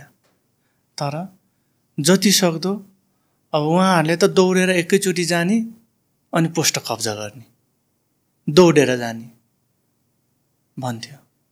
अनि ठाठाडै जाने ल्याङ पैसन पनि नसुत्ने उठ्नु सक्दैन ल्याङ पैसन पनि नसुत्ने भन्थ्यो। अनि एक नम्बर कुरो बसेर त्यसरी टुक्सु टुक्सु बसेर अगाडि बढ्दा सबै ढालेको हुन्छ। अर्को नम्बर दौडेर जाँदाखेरि कति गनेर तिनीहरूले टार्गेटले बरस्ट हानेर मारिदिन्छन् सर। अनि यस्तो भरममा पारिदिनु खोजेको रहेछ कि युक्रेनलाई चाहिँ ए रसियाले ए हामी नेपालीलाई। यसरी दौडेर आएर एकैचोटि पनि छोप्दो रहेछ। भन्ने एउटा भरममा पारिदिएको आखिर त्यो त कुनै वारमा पनि हुँदैन सर। त्यो एउटा सिभिललाई गएर एउटा पुलिसले पक्रेको जस्तो त होइन। एउटा चोरलाई पक्रेको जस्तो। त्यो त उनीहरूले पनि हतियार तेर्साएर बसेको हुन्छ फायरिङ गर्ने हालतमा हुन्छ पोजिसनमा हुन्छ। डिफेन्स लिएर बसेको हुन्छ आर्ट लिएर बसेको हुन्छ। ओहो यसरी नै बढ्दो रहेछ फौज। बाह्र बजीको घाममा पनि राति मात्र होइन दिउँसो बाह्र एक बजीको घाममा पनि यसरी बढ्दो रहेछ र लड्दो रहेछ। यो रसियन अनि पो यसरी कब्जा गरेको रहेछ। भन्ने भरममा पारिदिएको र पैसाको मतलब भएन तलब मजाले दिने भत्ता मजाले दिने। फौज नेपाली अहिले बढाएको त सबै नेपाली नै छ। जति मरोस् नेपाली तर मान्छे जति मरे पनि कब्जा गर्नु नछाड्ने। त्यहाँ कब्जा गर्नु सक्दैन। हन्ड्रेडै पर्सेन्ट सर किन त्यसरी पठाइरहेको त? एउटा स्ट्राटेजी भयो भने त कब्जा गर्न सक्ने पनि स्ट्राटेजी बनाउन सकिन्छ होला नि त। तर त्यो जस्तो कि तपाईँले भन्नुभयो दुई दिनसम्म न खाना दिएछ न पानी दिएछ डिफेन्स पनि आफूलाई गर्नु दिएको छैन। वारमा त तपाईँले सर्टन टाइम अफेन्स जान्छ होला सर्टन टाइम डिफेन्स जान्छ होला फेरि टाइम मिलेर टाइम मिलाएर आफू पनि अलिकति सकुशल गर्न सक्ने सिचुएसनमा भइसकेपछि अलिकति टाइम लिएर फेरि अफेन्समा जान्छ होला। तर यो तपाईँको कुरा सुन्दाखेरि त यो त मरोस् नै भनेर पठा जस्तो देखिन्छ नि त। त्यो किन त? Hundred percent. उनीहरूलाई मान्छे जति मरोस् मतलब भएन यतिजना डेड बडी भनेर गिन्ने मात्रै हो सर। त्यो कब्जा गरोस् नगरोस् उनीहरूले आक्रमण गर्न नचाहने किन नेपाली जति पनि पाइएको छ।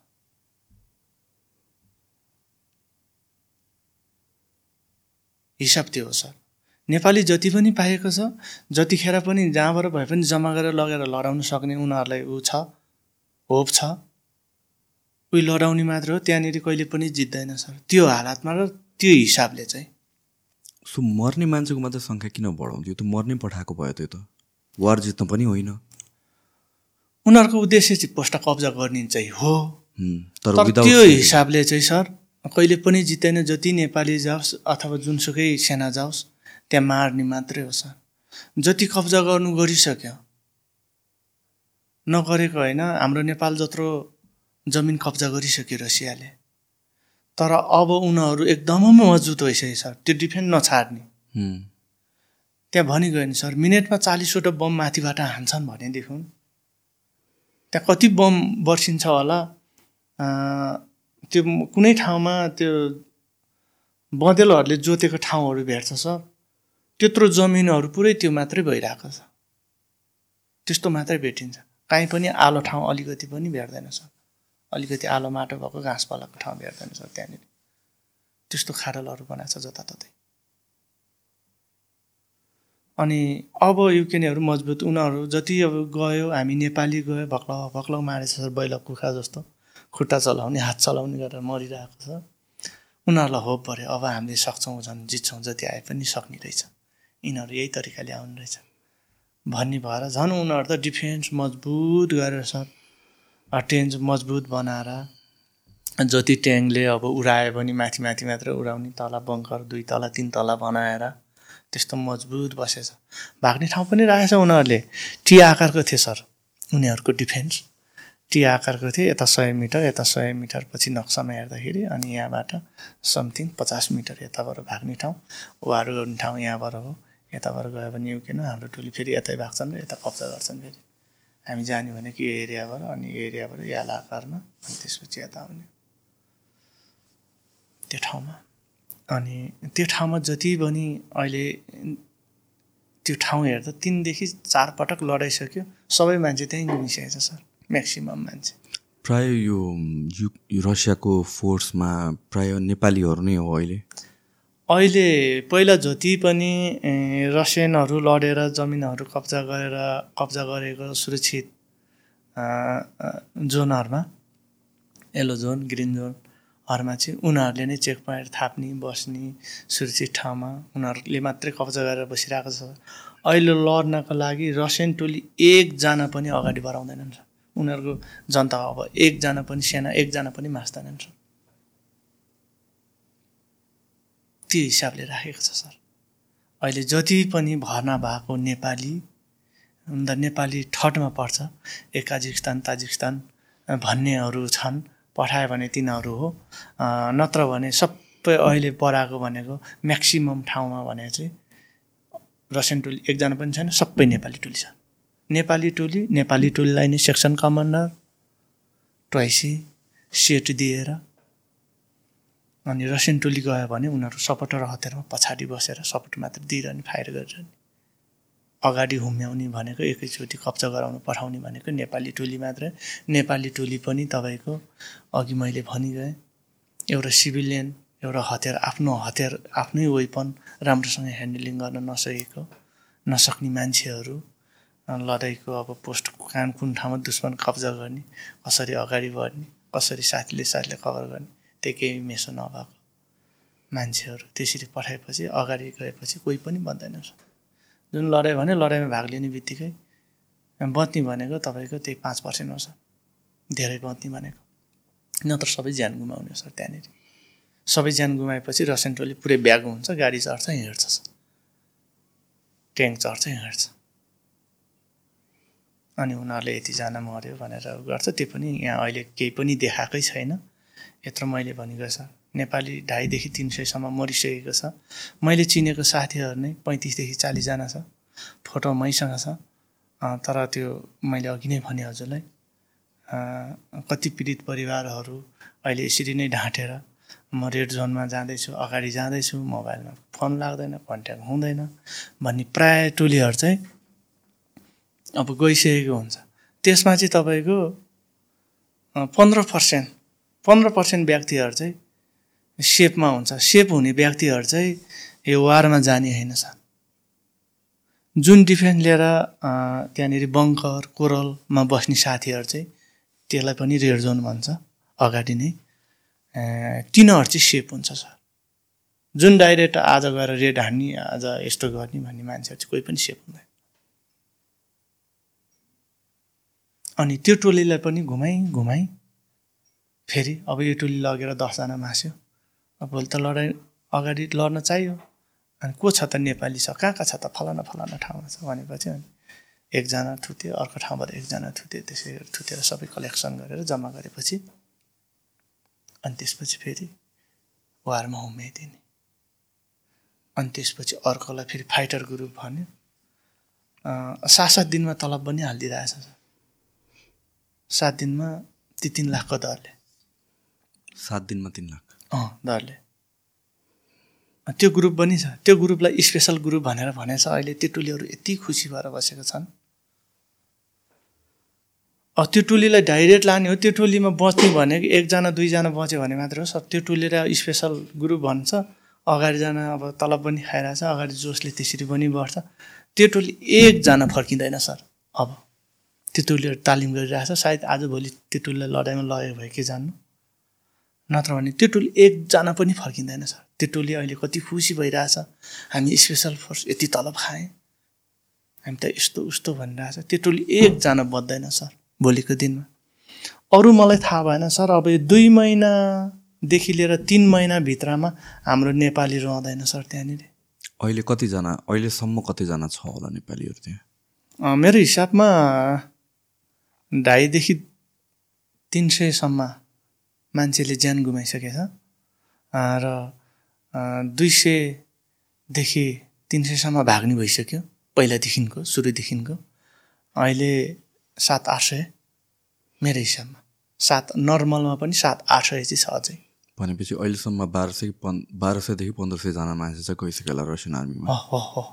भइसकेछ। र यो वारमा चाहिँ जो जो मऱ्यो या घाइते भयो यसको बारेमा क्याम्पमा भएको मान्छेहरू कसैलाई पनि थाहा हुँदैन। के भइरहेछ त्यहाँ क्याम्पमा भएको मान्छेलाई यस्तो हुन्छ हामी ग्रुप जोइनमा बसिरहेको हुन्छ हामी घटनाबाट जुन आएको हुन्छ त्यो कुराहरू चाहिँ सत्य नै खुलिरहेको हुन्छ भनिरहेको हुन्छ। अनि जुन लडाइँमा गएर सम्पर्क बिनै भयो कोही पनि कन्ट्याक्टमा आएन भन्नेहरू चाहिँ सबै मरेको हुन्छ सर। एकजना त कन्ट्याक्टमा आउँछ नि। अनि एका दुई अन्य देशहरूको हस्पिटलमा घाइते छ भनेपछि अनि बाँकी टोलीहरू चाहिँ अनि सबैले नै ज्यान गुमाइसकेको हुन्छ सत्य हुँदैन त्यहाँ। जस्तो कि तपाईँ क्याम्पमा हुँदाखेरि तपाईँको नाम नआउनु जेलसम्म तपाईँलाई एक्चुअल सिचुएसनको बारेमा थाहा थिएन नि त? हजुर। फिफ्टी फिफ्टी भनेर सोचिरहनु भएको थियो तर एक्चुअलमा त दस पन्ध्र पर्सेन्ट मात्र पाँच पर्सेन्ट बाँच्ने रहेछ। अहिले पनि क्याम्पमा बसिरहेको मान्छेहरूलाई चाहिँ त्यही नै भ्रमै छ होला। हजुर। त्यही नै थाहा छैन। उनीहरू त्यहाँ बसेर मजाले अहिले त्यो क्याम्पमा बसे सेफ जोन हो सर रसियामै हो। उनीहरू मजाले फ्यामिली परिवारलाई यस्तो भन्ने उस्तो भन्ने ड्रेस लगाएको हतियार लगाएको फोटोहरू पठाइदिने टिकटक बनाउने आफ्नो साथीभाइहरूलाई ध्यान आकर्षण गराउने म त यस्तो रसियन आर्मी भयो। यस्तो छ आऊ तिमी पनि भन्ने आदि इत्यादि त्यस्तै। भएर नै बिताएको हुन्छ अनि जब अनि एग्रिमेन्ट साइन गरिसकेपछि जब तालिम गरेर जब वारमा एकचोटि वारमा परेको मान्छेलाई मात्रै थाहा हुन्छ सर। अवस्था कस्तो हुन्छ भनेर। तालिम गरुन्जेलसम्म पनि थाहा हुँदैन। आफ्नो साथी बडीहरू कोही पनि नजिकको साथी गएपछि उसले भन्यो भने थाहा हुने हो। नत्र भने जब आफै फिल्डमा गएर वार गरिसकेपछि वारमा गएपछि मात्रै वास्तविक घटना चाहिँ तब थाहा हुने हो जस्तो कि भाग्नको लागि साढे दुई लाख एकजना मान्छेको लिन्छ। हजुर त्यति बेला तपाईँसँग क्यास थियो त? क्यास थिएन सर मैले घरबाट मगाएको। तुरुन्तै आयो? तुरुन्तै अब यो अवस्था हुँदाखेरि जे होस् सहयोग गर्यो मेरो आफ्नै फ्यामिलीबाट भयो। अनि अब पैसा नभइकन गाडी भएर ओह्राल्दैन सर। चेक पोइन्ट भन्दा यतै रोकिदिइरहन्छ तँलाई चेक पोइन्टमा अब समाउँछ भने अवस्था गम्भीर हुन्छ सर। तर पनि सबै आफ्नो आफन्त फ्यामिलीको सर सपोर्ट थियो। सबै पैसा ठुलो होइन ज्यान ठुलो। भन्ने जो सबैजनाले सहयोग गरेछ आफ्नो फ्यामिलीहरूले। अहिले पनि अब कतिजना जाँदै हुनुहुन्छ भनेर कुरामा आउँछ होइन? किनभने यो सिचुएसन थुप्रैलाई थाहा छैन। थाहा छैन तपाईँको जोइन गर्न खोज्नेहरूसँग पनि कुरा भएको छ। उहाँहरूको उहाँहरूको सोचाइ के हुन्छ? मसँग दुई तिनजना कन्ट्याक्टमा आएको थियो। अनि मैले त्यो अवस्था त्यहाँको राम्रो जानकारी दिइसकेपछि उनीहरू आफै तर्सेर अब म जान्न दाइ यस्तो रहेछ है भनेपछि तपाईँ चार महिना भएको मान्छे त यहाँनिर आयो भनेपछि अवस्था त्यहाँ डेन्जरै रहेछ भनेर दुई तिनजना साथीहरूले चाहिँ पछि कन्ट्याक्टमा आएर भने मलाई खोजेको साथीहरूले। र यो भिडियो मार्फत म के भन्न चाहन्छु भने रसियामा जो पनि अब नयाँ भाइहरू साथीभाइहरू दाजुभाइहरू नेपाली दाजुभाइहरू जानलाई तयार छ भने भिसै लागेको भए पनि तपाईँहरू नजानु भन्नु सल्लाह दिन्छु र अहिले मस्कोमा भएको जुन एमन गार्डमा भएको साथीहरू अहिले जो एग्रिमेन्ट साइन नगरेको साथीहरूलाई पनि तपाईँहरू सक्नुहुन्छ भने उता जोइन नहुनु एग्रिमेन्ट साइन नगर्नु फर्किनु भन्ने पनि सुझाव दिन्छु। यो जुन रसियाको भनौँ न सबजनालाई ल मर्नको लागि नै पठाएको जस्तो छ देखिन्छ नेपालीहरू या अरू देशकोहरूलाई रसियनहरू त सेफ हुने भयो। यो रसियाको स्ट्राटेजी नै हो जस्तो लाग्छ किनभने पहिला पहिला पनि वारमा रसियन स्ट्राटेजी एउटा के हुन्छ भने चाहिँ पहिलो वर्ष दोस्रो वर्षसम्म चाहिँ उनीहरूले भयभरको आफ्नो साइडको आर्मीहरू या मान्छेहरू पठाउँछ मर्नको लागि नै। त्यसपछि तिनीहरूले सिचुएसन स्टडी गर्छ। अनि एक दुई वर्षपछि बल्ल उनीहरूको वार सुरु हुन्छ जुन बेला चाहिँ बल्ल मोर एक्सपिरियन्स्ड आर्मीहरू बल्ल आफ्नो मान्छेहरू जो एक्चुली गएर जित्न सक्छ उनीहरूलाई पठाउँछन्। तपाईँलाई के लाग्छ? किन यो मैले नबुझ्नु नबुझेको कुरै हो, किन मर्न चाहिँ किन पठाउने? बरु अलि ट्रेनिङ दिएर पठायो भने त्यो पोस्ट क्याप्चर गर्ने नै हो भने त अलिकति ट्रेनिङ त चाहियो त। उनीहरूलाई पनि थाहा छ कि यिनीहरू सबजना मर्नेवाला छ अब गएर। ट्रेनिङ नै छैन भनेर भनेपछि त के सोचेर पठाइरहेछ त? मैले चाहेको पनि यही कुरा थियो सोचेको कुराहरू। रसियनको यो ठुलो गल्ती हो? किनकि एउटा वार परेको ठाउँमा लिए तापनि नेपाली नै लिए तापनि एउटा एक्स आर्मी एउटा लडाइँको अनुभव भएको लडाइँमै भाग नलिएको आर्मी भए पनि एउटा हतियार खेलाएर एउटा आर्मी योग्य सिपाही तालिम गरेको सिपाही ए, ए, प्रहरी जवानहरू। त्यसरी एउटा क्याटेगोरीमा राखिदिएको भएदेखि अ, त्यहाँनिर जो तालिम प्राप्त फौजहरू मात्रै जम्मा हुन्थ्यो त्यो ठाउँमा। र सुरक्षित पनि हुन्थ्यो र लडाइँ कसरी लड्नुपर्छ भन्ने कुराहरू थियो। हुन त नेपालको लडाइँ र विदेशी लडाइँमा फरक छ। तर पनि धेरै पर्सेन्टहरू मथ्यो र सजिलो हुन्थ्यो लड्नलाई। र थाहा हुन्थ्यो। अहिले यहाँ यति गरेछ कि रसियनले जति सक्दो आर्मी बेसी देखाइदिने। मरेको नम्बर मात्र देखाइदिने। बेसी देखाइदिने अनि त्यसपछि अहिले अघि नै भने मैले अठार वर्षदेखिको पचास वर्षसम्म को मान्छे लिने भर्ना लिने। अब त्यो मान्छे अब लाटागाडा जसुकै होस् ब्लडमा खराब देख्नु भएन र तपाईँको चेस्टमा खराब देख्नु भएन। बास अरू भए त्यो पातलो लुते लगाटो जस्तो भए पनि औँलै नभएको मान्छे आँखा डेरे डेरे भए पनि जस्तो मान्छे पनि लिइरहने कारण त्यही नै हो सर। आफ्नो फौजलाई सेभ गर्ने अन्य जस्तै काजिस्तान ताजिस्तान अ, भन्ने फौजहरू र अन्य देशकोलाई आह्वान गरेर जुनसुकै देशकोलाई पनि भर्ना गर्न कारण त्यही हो सर। उसको सेना सेनाले पहिला जति लड्यो धेरै घटना भयो। अबको सेनाहरू उनीहरूले जिरोमा राखेर एकजना नमानेर जति सक्दो लड्ने भनेको बाहिरको सेनाहरूलाई मात्रै सेना बनाएर त्यसरी लडाइदिने। अनि एउटा गल्ती चाहिँ अहिले हजुरले भनेको कुरा नै त्यही कुरा छ रसियनको गल्ती एउटा सिपाही लड्न योग्य सिपाही नै छैन भनेदेखि। त्यसलाई नै अब चार दिन पाँच दिन तालिम गरेको भरमा सिपाही आवश्यक पर्यो भनेर त्यस्तो मान्छेलाई लडाउनु भनेको चाहिँ त्यहाँ लगेर सिधै मार्नु मात्रै हो सर जस्तो कि बाहिर आएको कुरा पनि त्यही हो दुबई अँ। सुरुमा त वार अगाडि लग्यो रसियाले लग्यो तर अहिले आएर चाहिँ दुबई साइडबाट युक्रेन मात्र होइन रसिया पनि डिफेन्समै बसिरहेछ युक्रेन पनि डिफेन्समै बसिरहेछ किनभने अब मर्ने को हो भने जो अफेन्समा जान्छ? दुवैजनाले आफ्नो बोर्डर त रोकेर बसिरहेको छ दुवैजनाको साइडमा ड्रोन छ दुवैजनाको साइडमा ट्याङ्क छ दुवैजनाको साइडमा फाइटर प्लेनहरू छ दुवैजनाको साइन साइ साइडमा मिसाइल्सहरू छ तर दुवैजनाको साइडमा फेरि डिफेन्स सिस्टमहरू पनि छ। सो जो अगाडि जान्छ या जसले अफेन्स गर्न खोज्छ उनी मर्ने हो। जो डिफेन्समा छ ऊ त सेफ स्ट्रङ होल्ड गरेर बस्ने भइसक्यो। अब दुवै साइडमा फेरि? र एउटा उद्देश्य मलाई यो जस्तो लाग्छ रसियाको उद्देश्य। जब अहिले युक्रेनमा अब पाँच सात महिनापछि चुनाव हुँदैछ र शान्ति वार्ता हुँदैछ अथवा जे पनि हुनसक्छ। जस्तै अर्को लिडर आइसकेपछि। अर्को लिडर आउला र? आउनु सक्छ आयो भनेदेखि। र त्यो समयसम्म सिचुएसन कस्तो हुन्छ उसले अब आत्मसमर्पण पनि गर्न सक्छ। र त्यो बेलासम्म चाहिँ जति सक्दो छिटो अहिले यो दुई चार महिनाको ग्यापमा नै फौज जति मरोस् तर आफ्नो फौज नमरोस् अन्य फौज मरोस् पैसाको मतलब भएन। उसलाई घाटा छैन त्यत्रो जमिन कब्जा गरेको छ रसियाले। हुँ। अँ, जति सक्दो यही मौकामा अनि छोप्ने जति सक्दो जमिन अझै पनि उसले चाहेको जमिनहरू कब्जा गर्ने। उद्देश्य त्यो होला जस्तो लाग्छ सर मलाई चाहिँ। अनि त्यही भएर पनि त्यो ठाउँमा जति मरोस् हुम्याएको हुमाइ एक दिन त कसो सफल नपाएला भनेर हुमाएको हुन्छ तर त्यहाँ हजारौँले बलिदान दिइरहेको हुन्छ सर त्यहाँनिर। सकेसम्म रसियनहरू चाहिँ नमरोस्। हो सकेसम्म रसियन नमरोस्। त्यही भएर रसियन पठाएको नै छैन नेपाली र अन्य देशको। अनि त्यसपछि खालि हुम्याएको हुमे हुमे आज पनि त्यही ठाउँमा लडाएको छ। आज मलाई नौलो भएको छ म लडेर। भोलि अर्को टोली लडेर त्यहाँनिर नयाँ बनाइदिएको छ।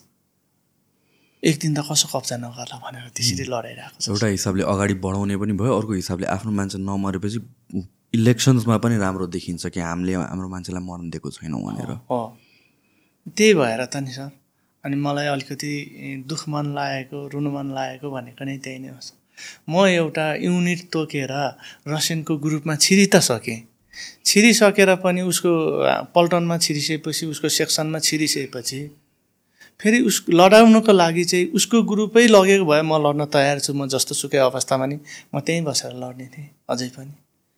तर नेपाली मात्रै किन यसरी करेक्सन गरेर फेरि एक एकजना दुई दुईजना झिकेर ठाउँ ठाउँबाट झिकेर ड्युटी गरिराखेकै ठाउँबाट झिकेर नेपाली मात्रै ग्रुप बनाएर लडाउनु नै त्यो नै दुःखको कुरा हो।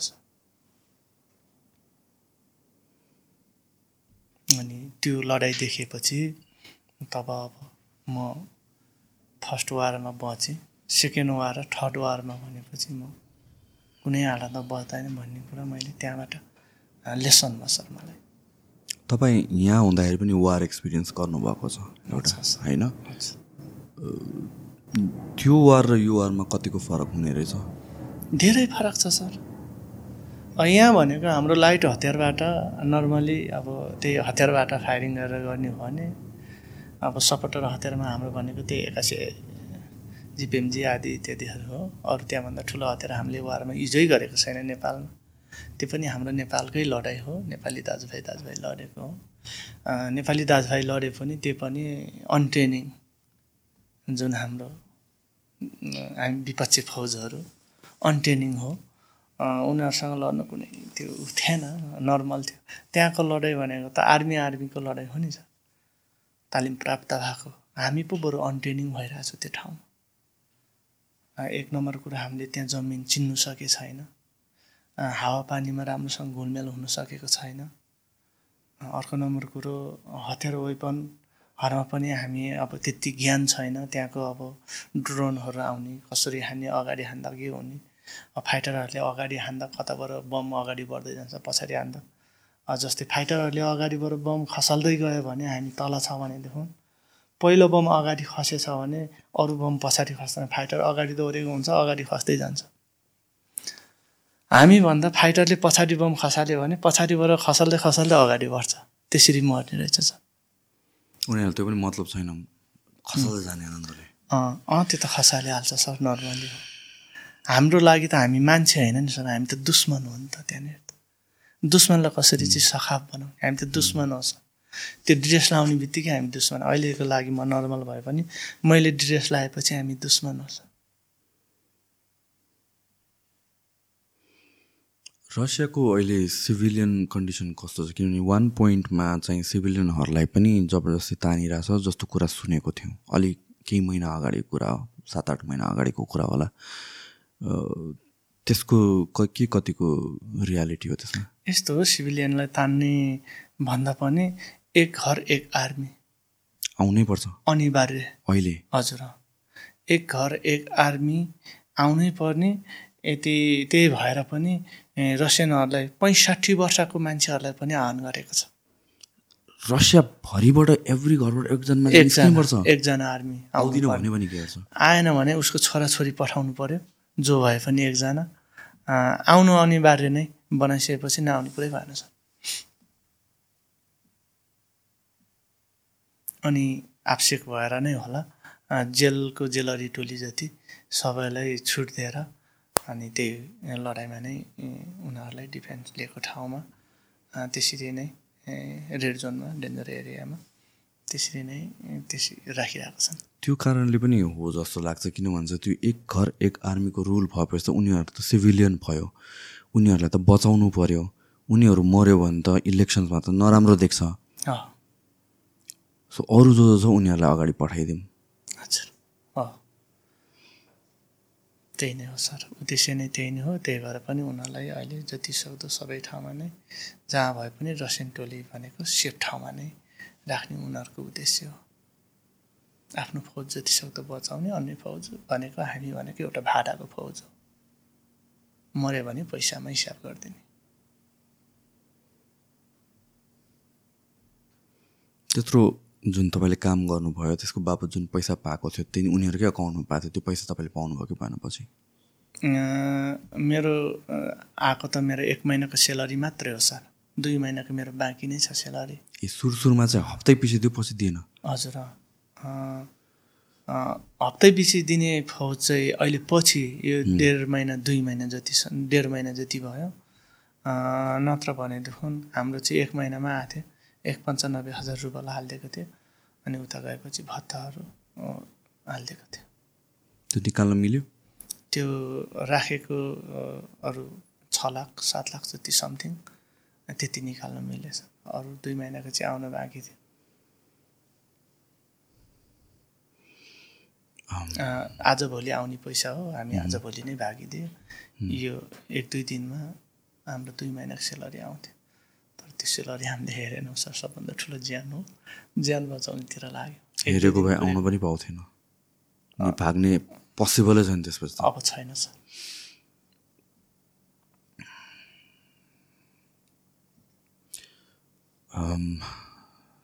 लास्टमा के भन्नु छ तपाईँलाई त्यही हो सर अब जति सक्दो रसिया सेनामा जानेर नजानेर जति पनि युवाहरू गएका छन् जुनसुकै देशमा गए पनि बेरोजगार युवाहरू हो नेपाल सरकारले अब रसियामा दुई सयभन्दा देखाएको छैन अरे। दुई सय होइन ढाई सयभन्दा बढी त रसियामा गएर नेपालीहरू मरेर ज्यान गुमाइसकेको छ। सरकारले प्रत्यक्ष कुनै पनि उमा भन्छ भने म त्यो फोटोहरू प्रदर्शन गर्नु पनि म तयार छु देखाइदिन्छु म। यतिजना मरेको छ भनेर पाँच छजना मरेको चाहिँ साधारण तयमा देखाइदिएको छ। र जति पनि यो पीडित परिवारहरू छन् रसियामा गएको रसिया आर्मीमा भाग लिएको र कन्ट्याक्टमा नआएको उसले चाहिँ छिटोभन्दा छिटो त्यो परिवारहरूले चाहिँ सरकारमा दबाब दिएर जतिभन्दा छिटो अब यो दुई चार दिनभित्रमा सरकार रसियन सरकारसम्म यो कुरा पुर्याएर जति सक्दो नेपाल सरकारले कोर्डिनेट गरेर र जति पनि पीडित परिवारहरूले आवाज निकालेर यो अगाडि बढाउन सक्यो भने सम्भव छ। नत्र भने यो दुई तिन महिनाको ग्यापमा चाहिँ यस्तै गर्दै गयो भनेर गर्दै गयो भनेदेखि नेपाली त्यहाँ रहँदैन। कुनै पनि नेपाली रहँदैन आर्मीमा जोइन भएको चाहिँ। र जति सक्दो छिटो सरकारले पहल गरिदिनु अ, त्यहाँनिर चाहिँ धेरै ठुलो घटना भइरहेको छ। त्यो घटना सुनेर तपाईँहरूको प्रत्यक्ष आँखाले देख्यो भने तपाईँहरूलाई काली लाग्दो हुन्छ। त्यो घटना स्वयं म आफैले टाम टाममा सम्झेँ भने म आफै भावुक हुन्छु। र राजनीतिक भनेको चाहिँ तपाईँको यो ठुलो बडाको लागि मात्रै राजनीतिक रहेछ। यो गरिब जनताको लागि चाहिँ यस्तै नै रहेछ। ठुलोको लागि मात्रै राजनीतिक रहेछ जस्तो लाग्छ सर मलाई। नेपालमा हामी बेरोजगारै हो बेरोजगार भएर नै हामी त्यहाँसम्म पुगेको। कति सयौँ नेपाली हजुर हजारौँ लाखौँ नेपालीहरू विदेशिएका छौँ। उनीहरूको रेमिट्यान्सले मात्रै यो नेपालहरू चलाइरहेको छ उनीहरूको रेमिट्यान्स आउँदाखेरि चाहिँ हा हा खुसी भएको छ। तर एउटा पीडित नेपाली कुनै पनि ठाउँमा गएर अन्जानमा मरेको नेपालीहरू तत्काल झिक्नु सकेको छैन। र यो कतिपय ठाउँमा अझै बेबारिसेहरू छन्। नेपालीहरू कति दुःख पाइरहेछ चाहिँ सरकारले वास्तै गरेको छैन। त्यो कुरा चाहिँ सरकारको पनि ध्यान जाओस् र यो विशेष गरी चाहिँ यो रसियामा गएर अहिले जति पनि घटना भएको छ ती नेपालीहरूको तुरन्त उद्धार होस् तत्काल र लासहरू पनि सबै अब शनाखत भएर झिकाउने काम होस् भन्न चाहन्छु। हस् धन्यवाद। धन्यवाद